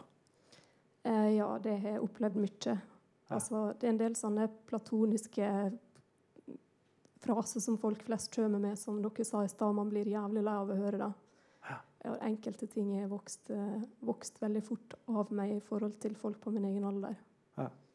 Så det har vært både kjekt altså Det er jo fine ting med det å kunne støtte folk rundt seg som opplever vanskelige ting, og så i det gode og det hele, så blir man på en måte bedre utvikla innenfor det relasjonelle og det emosjonelle.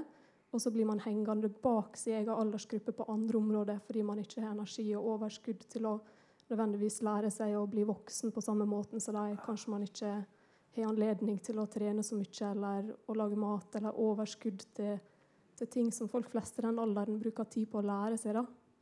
Så for min del føler jeg meg på en måte både voksnere enn folk på min mm. alder, og yngre på det praktiske og på det dagligdagse. på en måte. Kjempespennende det du sier. Jeg har aldri tenkt på det at du kan på en måte ha begge deler. Jeg har alltid tenkt på at det, som oftest er det den modningsspurten som spesielt ungdommer tar foran sine andre. Mens du sier at det kan også være andre ting som, som går andre veien. Da. Men hvis du er god på det emosjonelle og det relasjonelle, så syns jeg du kan tåle å spise litt Grandiosa. Tusen takk, det er godt å høre. Fodora er min beste venn, for å si det sånn.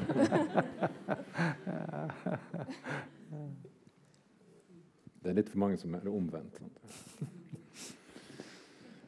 Det var en hånd der.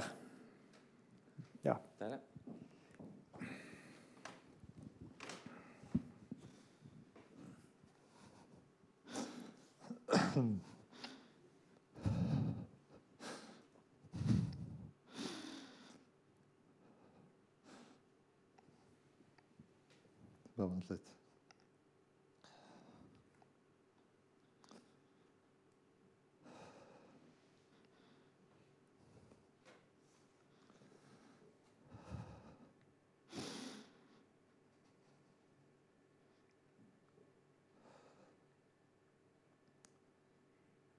Mistet min kone i,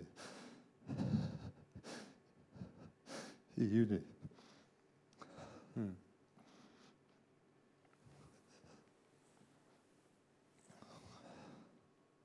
I en ulykke.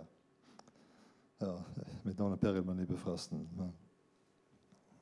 Først mistet jeg min mor i april etter et eh, langt sykeleie. Og det var Hvis det er noen død så fin, så det man si en, en fin død. Men likevel selvfølgelig trist. Men, men, hun var en eh, livlig kvinne, for å si det mildt. Hun var utrolig flink til å fortelle historier. Så hun ville at jeg skulle fortelle en vits i hennes bisettelse. Jeg hadde ikke tenkt å holde en tale, men siden hun ville jeg skulle fortelle denne vitsen, så gjorde jeg nå det. Og det gikk eh, greit. Ja, hele kirken visste jo hva min mor var, så det, alle lo jo selv om jeg ikke kan fortelle vitser. Så det gikk jo greit. Og så dør min kone da to måneder etter var på datoen, faktisk. I en ulykke som politiet ringer meg og Ja.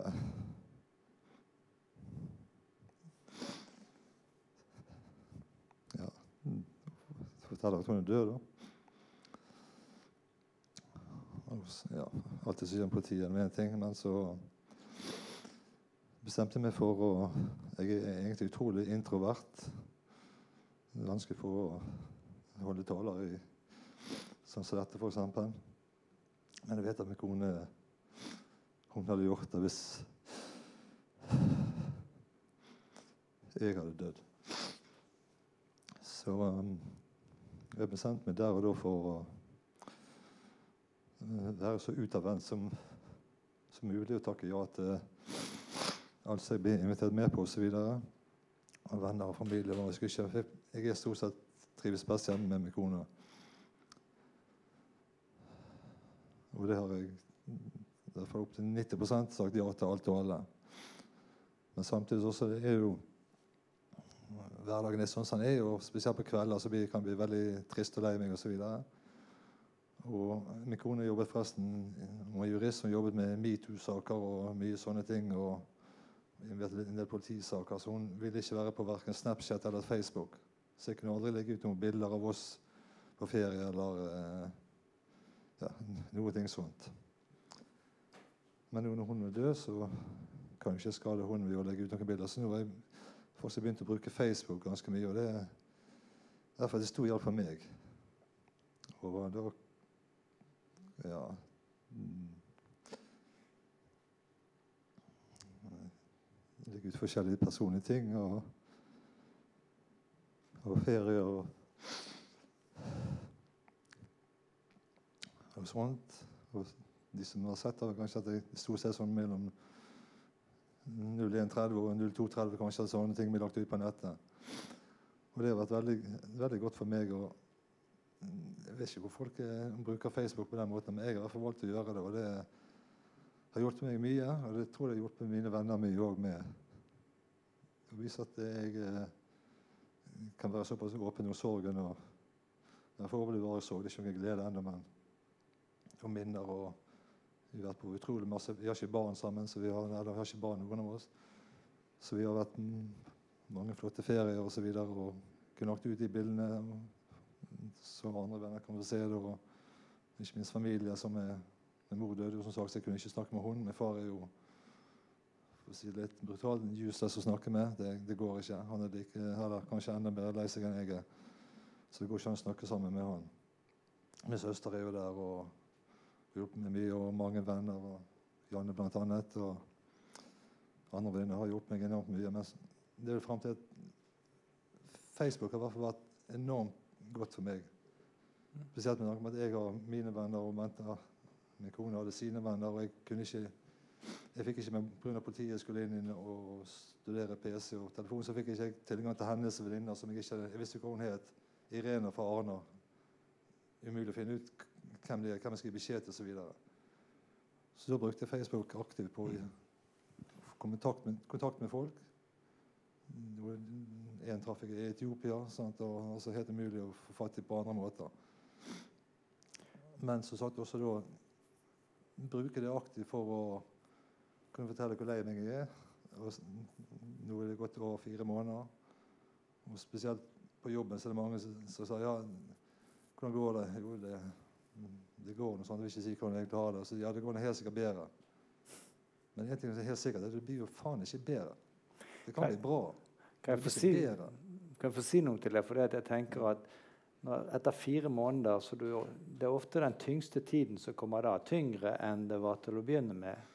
Fordi at sjokket beskytter deg til å begynne med, og nå er det mye mer inni det. Men så hører jeg deg si at du egentlig har fått til litt en personlighetsforandring fordi at din kone ville ha likt at du var mer ekstrovert. Ja, hun var Ja. enormt ekstrovert, og jeg var virkelig introvert i Ja. Så det at du tør å snakke her, det syns jeg er jo flott. Og så sier du noen ting om at Facebook i en del situasjoner gjør at du kan aktivere støtte rundt deg og andre som tenker på deg. Så det er også sånn som er, Selv om hun ikke brukte det, så gjør du noe som er annerledes enn det du har gjort før. Og da tenker jeg at du må trø vannet litt til du kommer med fastere grunn under bena dine. Så, så vil jo tiden være en venn. Selv om du akkurat nå er det eneste du tenker er at hun burde være tilbake igjen, så tenker jeg at det er flott at du våger i en sal her med så mange mennesker, når du sier du har den introverte historien, og så deler den med oss. Det tar litt inn, så er det også fordi at hvis du holder på lenge nå, så kommer du sikkert til å angre deg på at du har snakket for mye. Nei, det, det er som sagt er sagt, så det angrer jeg ikke på. Det kan ikke gjøre- usagt allikevel. Så det, det er greit. Men, Men- jeg, jeg mener, altså, det spilte med fire måneder. Jeg merker de siste to ukene faktisk at det har vært enormt vanskelig på kveldstid. Ja. Jeg har for så vidt ikke lagt meg før tolv en eneste dag siden hun døde. Så det er jo jeg blir gjerne to-tre år. Så det er jo det der å legge seg Ja, det er kjipt, rett og slett. Men det blir bedre. Det er det eneste som Nei, du kan si. Hva? Det blir bra, men jeg tror ikke det blir bedre enn hva jeg har hatt det. Men det kan bli bra. Nei, Ja, ja, ja, ja men, men det blir bedre enn det nå. Det er det jeg er tenker. Nei, ikke, tenker at det skal være å bli bedre enn det var før, men, men dette at det er Når jeg gjorde mitt doktorarbeid, så så jeg på foreldre som mistet barn. Og det er det verste tap vi kan stå overfor. Jeg vet at du vil tenke at det verste må være å miste en livsledsager, men, men vi målte hvor mye sorg de opplevde etter én måned, etter seks måneder og etter 13 måneder. Og den tyngste perioden var da rundt seks måneder. Men jeg tror den kunne være like mye på fire og fem. Men jeg målte ikke da. Og så når de kom til 13 Vi målte 13 fordi at å måle når du er ett på årsdagen, det gjør det, da har du det så tungt pga. at du passerer årsdag. Men tar du 13, så ser du at da begynner det å bli noe bedre. Men det er et langdistanseløp. Men det vil bli bra, som du sier. Bra kan være enig i. Ja.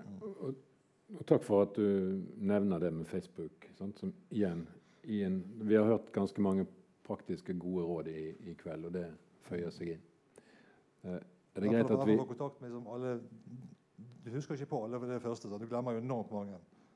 Det er bare sett umulig å huske alt og alle. Og så, spesielt de som kanskje bor lenger vekke.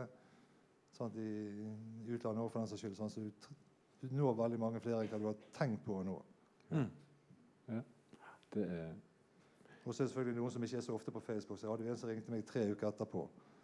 Det var veldig trist at hun ikke fikk være i begravelsen eller noen ting. Hun visste ikke om det. Hun trodde hva, hva kan jeg hjelpe deg med, Prilma? Så, så det er også, de, alle er jo ikke på nett hele tiden, selvfølgelig, selv om det kan virke sånn. OK. Takk til deg og til alle sammen. Eh, jeg tenker at vi har eh, Alle unntatt du er blitt ganske mye klokere når det gjelder sorg. Jeg blir klokere, jeg også. Det er spennende å høre på kommentarene og, og snakke med deg. Det er jo bra. Her ligger en stabel bøker som eh, Ja. Bokhandleren her nede har ringt til oss og spurt om det var greit med boksalg. Så det er ikke, det er ikke hans skyld. Men jeg tipper det er en eller annen som vil ha penger for de bøkene. Så hvis noen vil ha de, så kan du skrive autografer. Jeg kan ikke ta penger. Nei, Det må det må være noen her som gjør det. Hvis ikke, hvis ikke den melder seg her, så skal jeg gå ned og hente en i bokhandelen. Ja. Og så kan jeg dra disse frem. Sånn. Det heter 'Mestring av sorg'. Atle og Kari Dyregrov. Men du, jeg vet ikke om du får solgt noen bøker, men du skal få en stor applaus og tusen takk.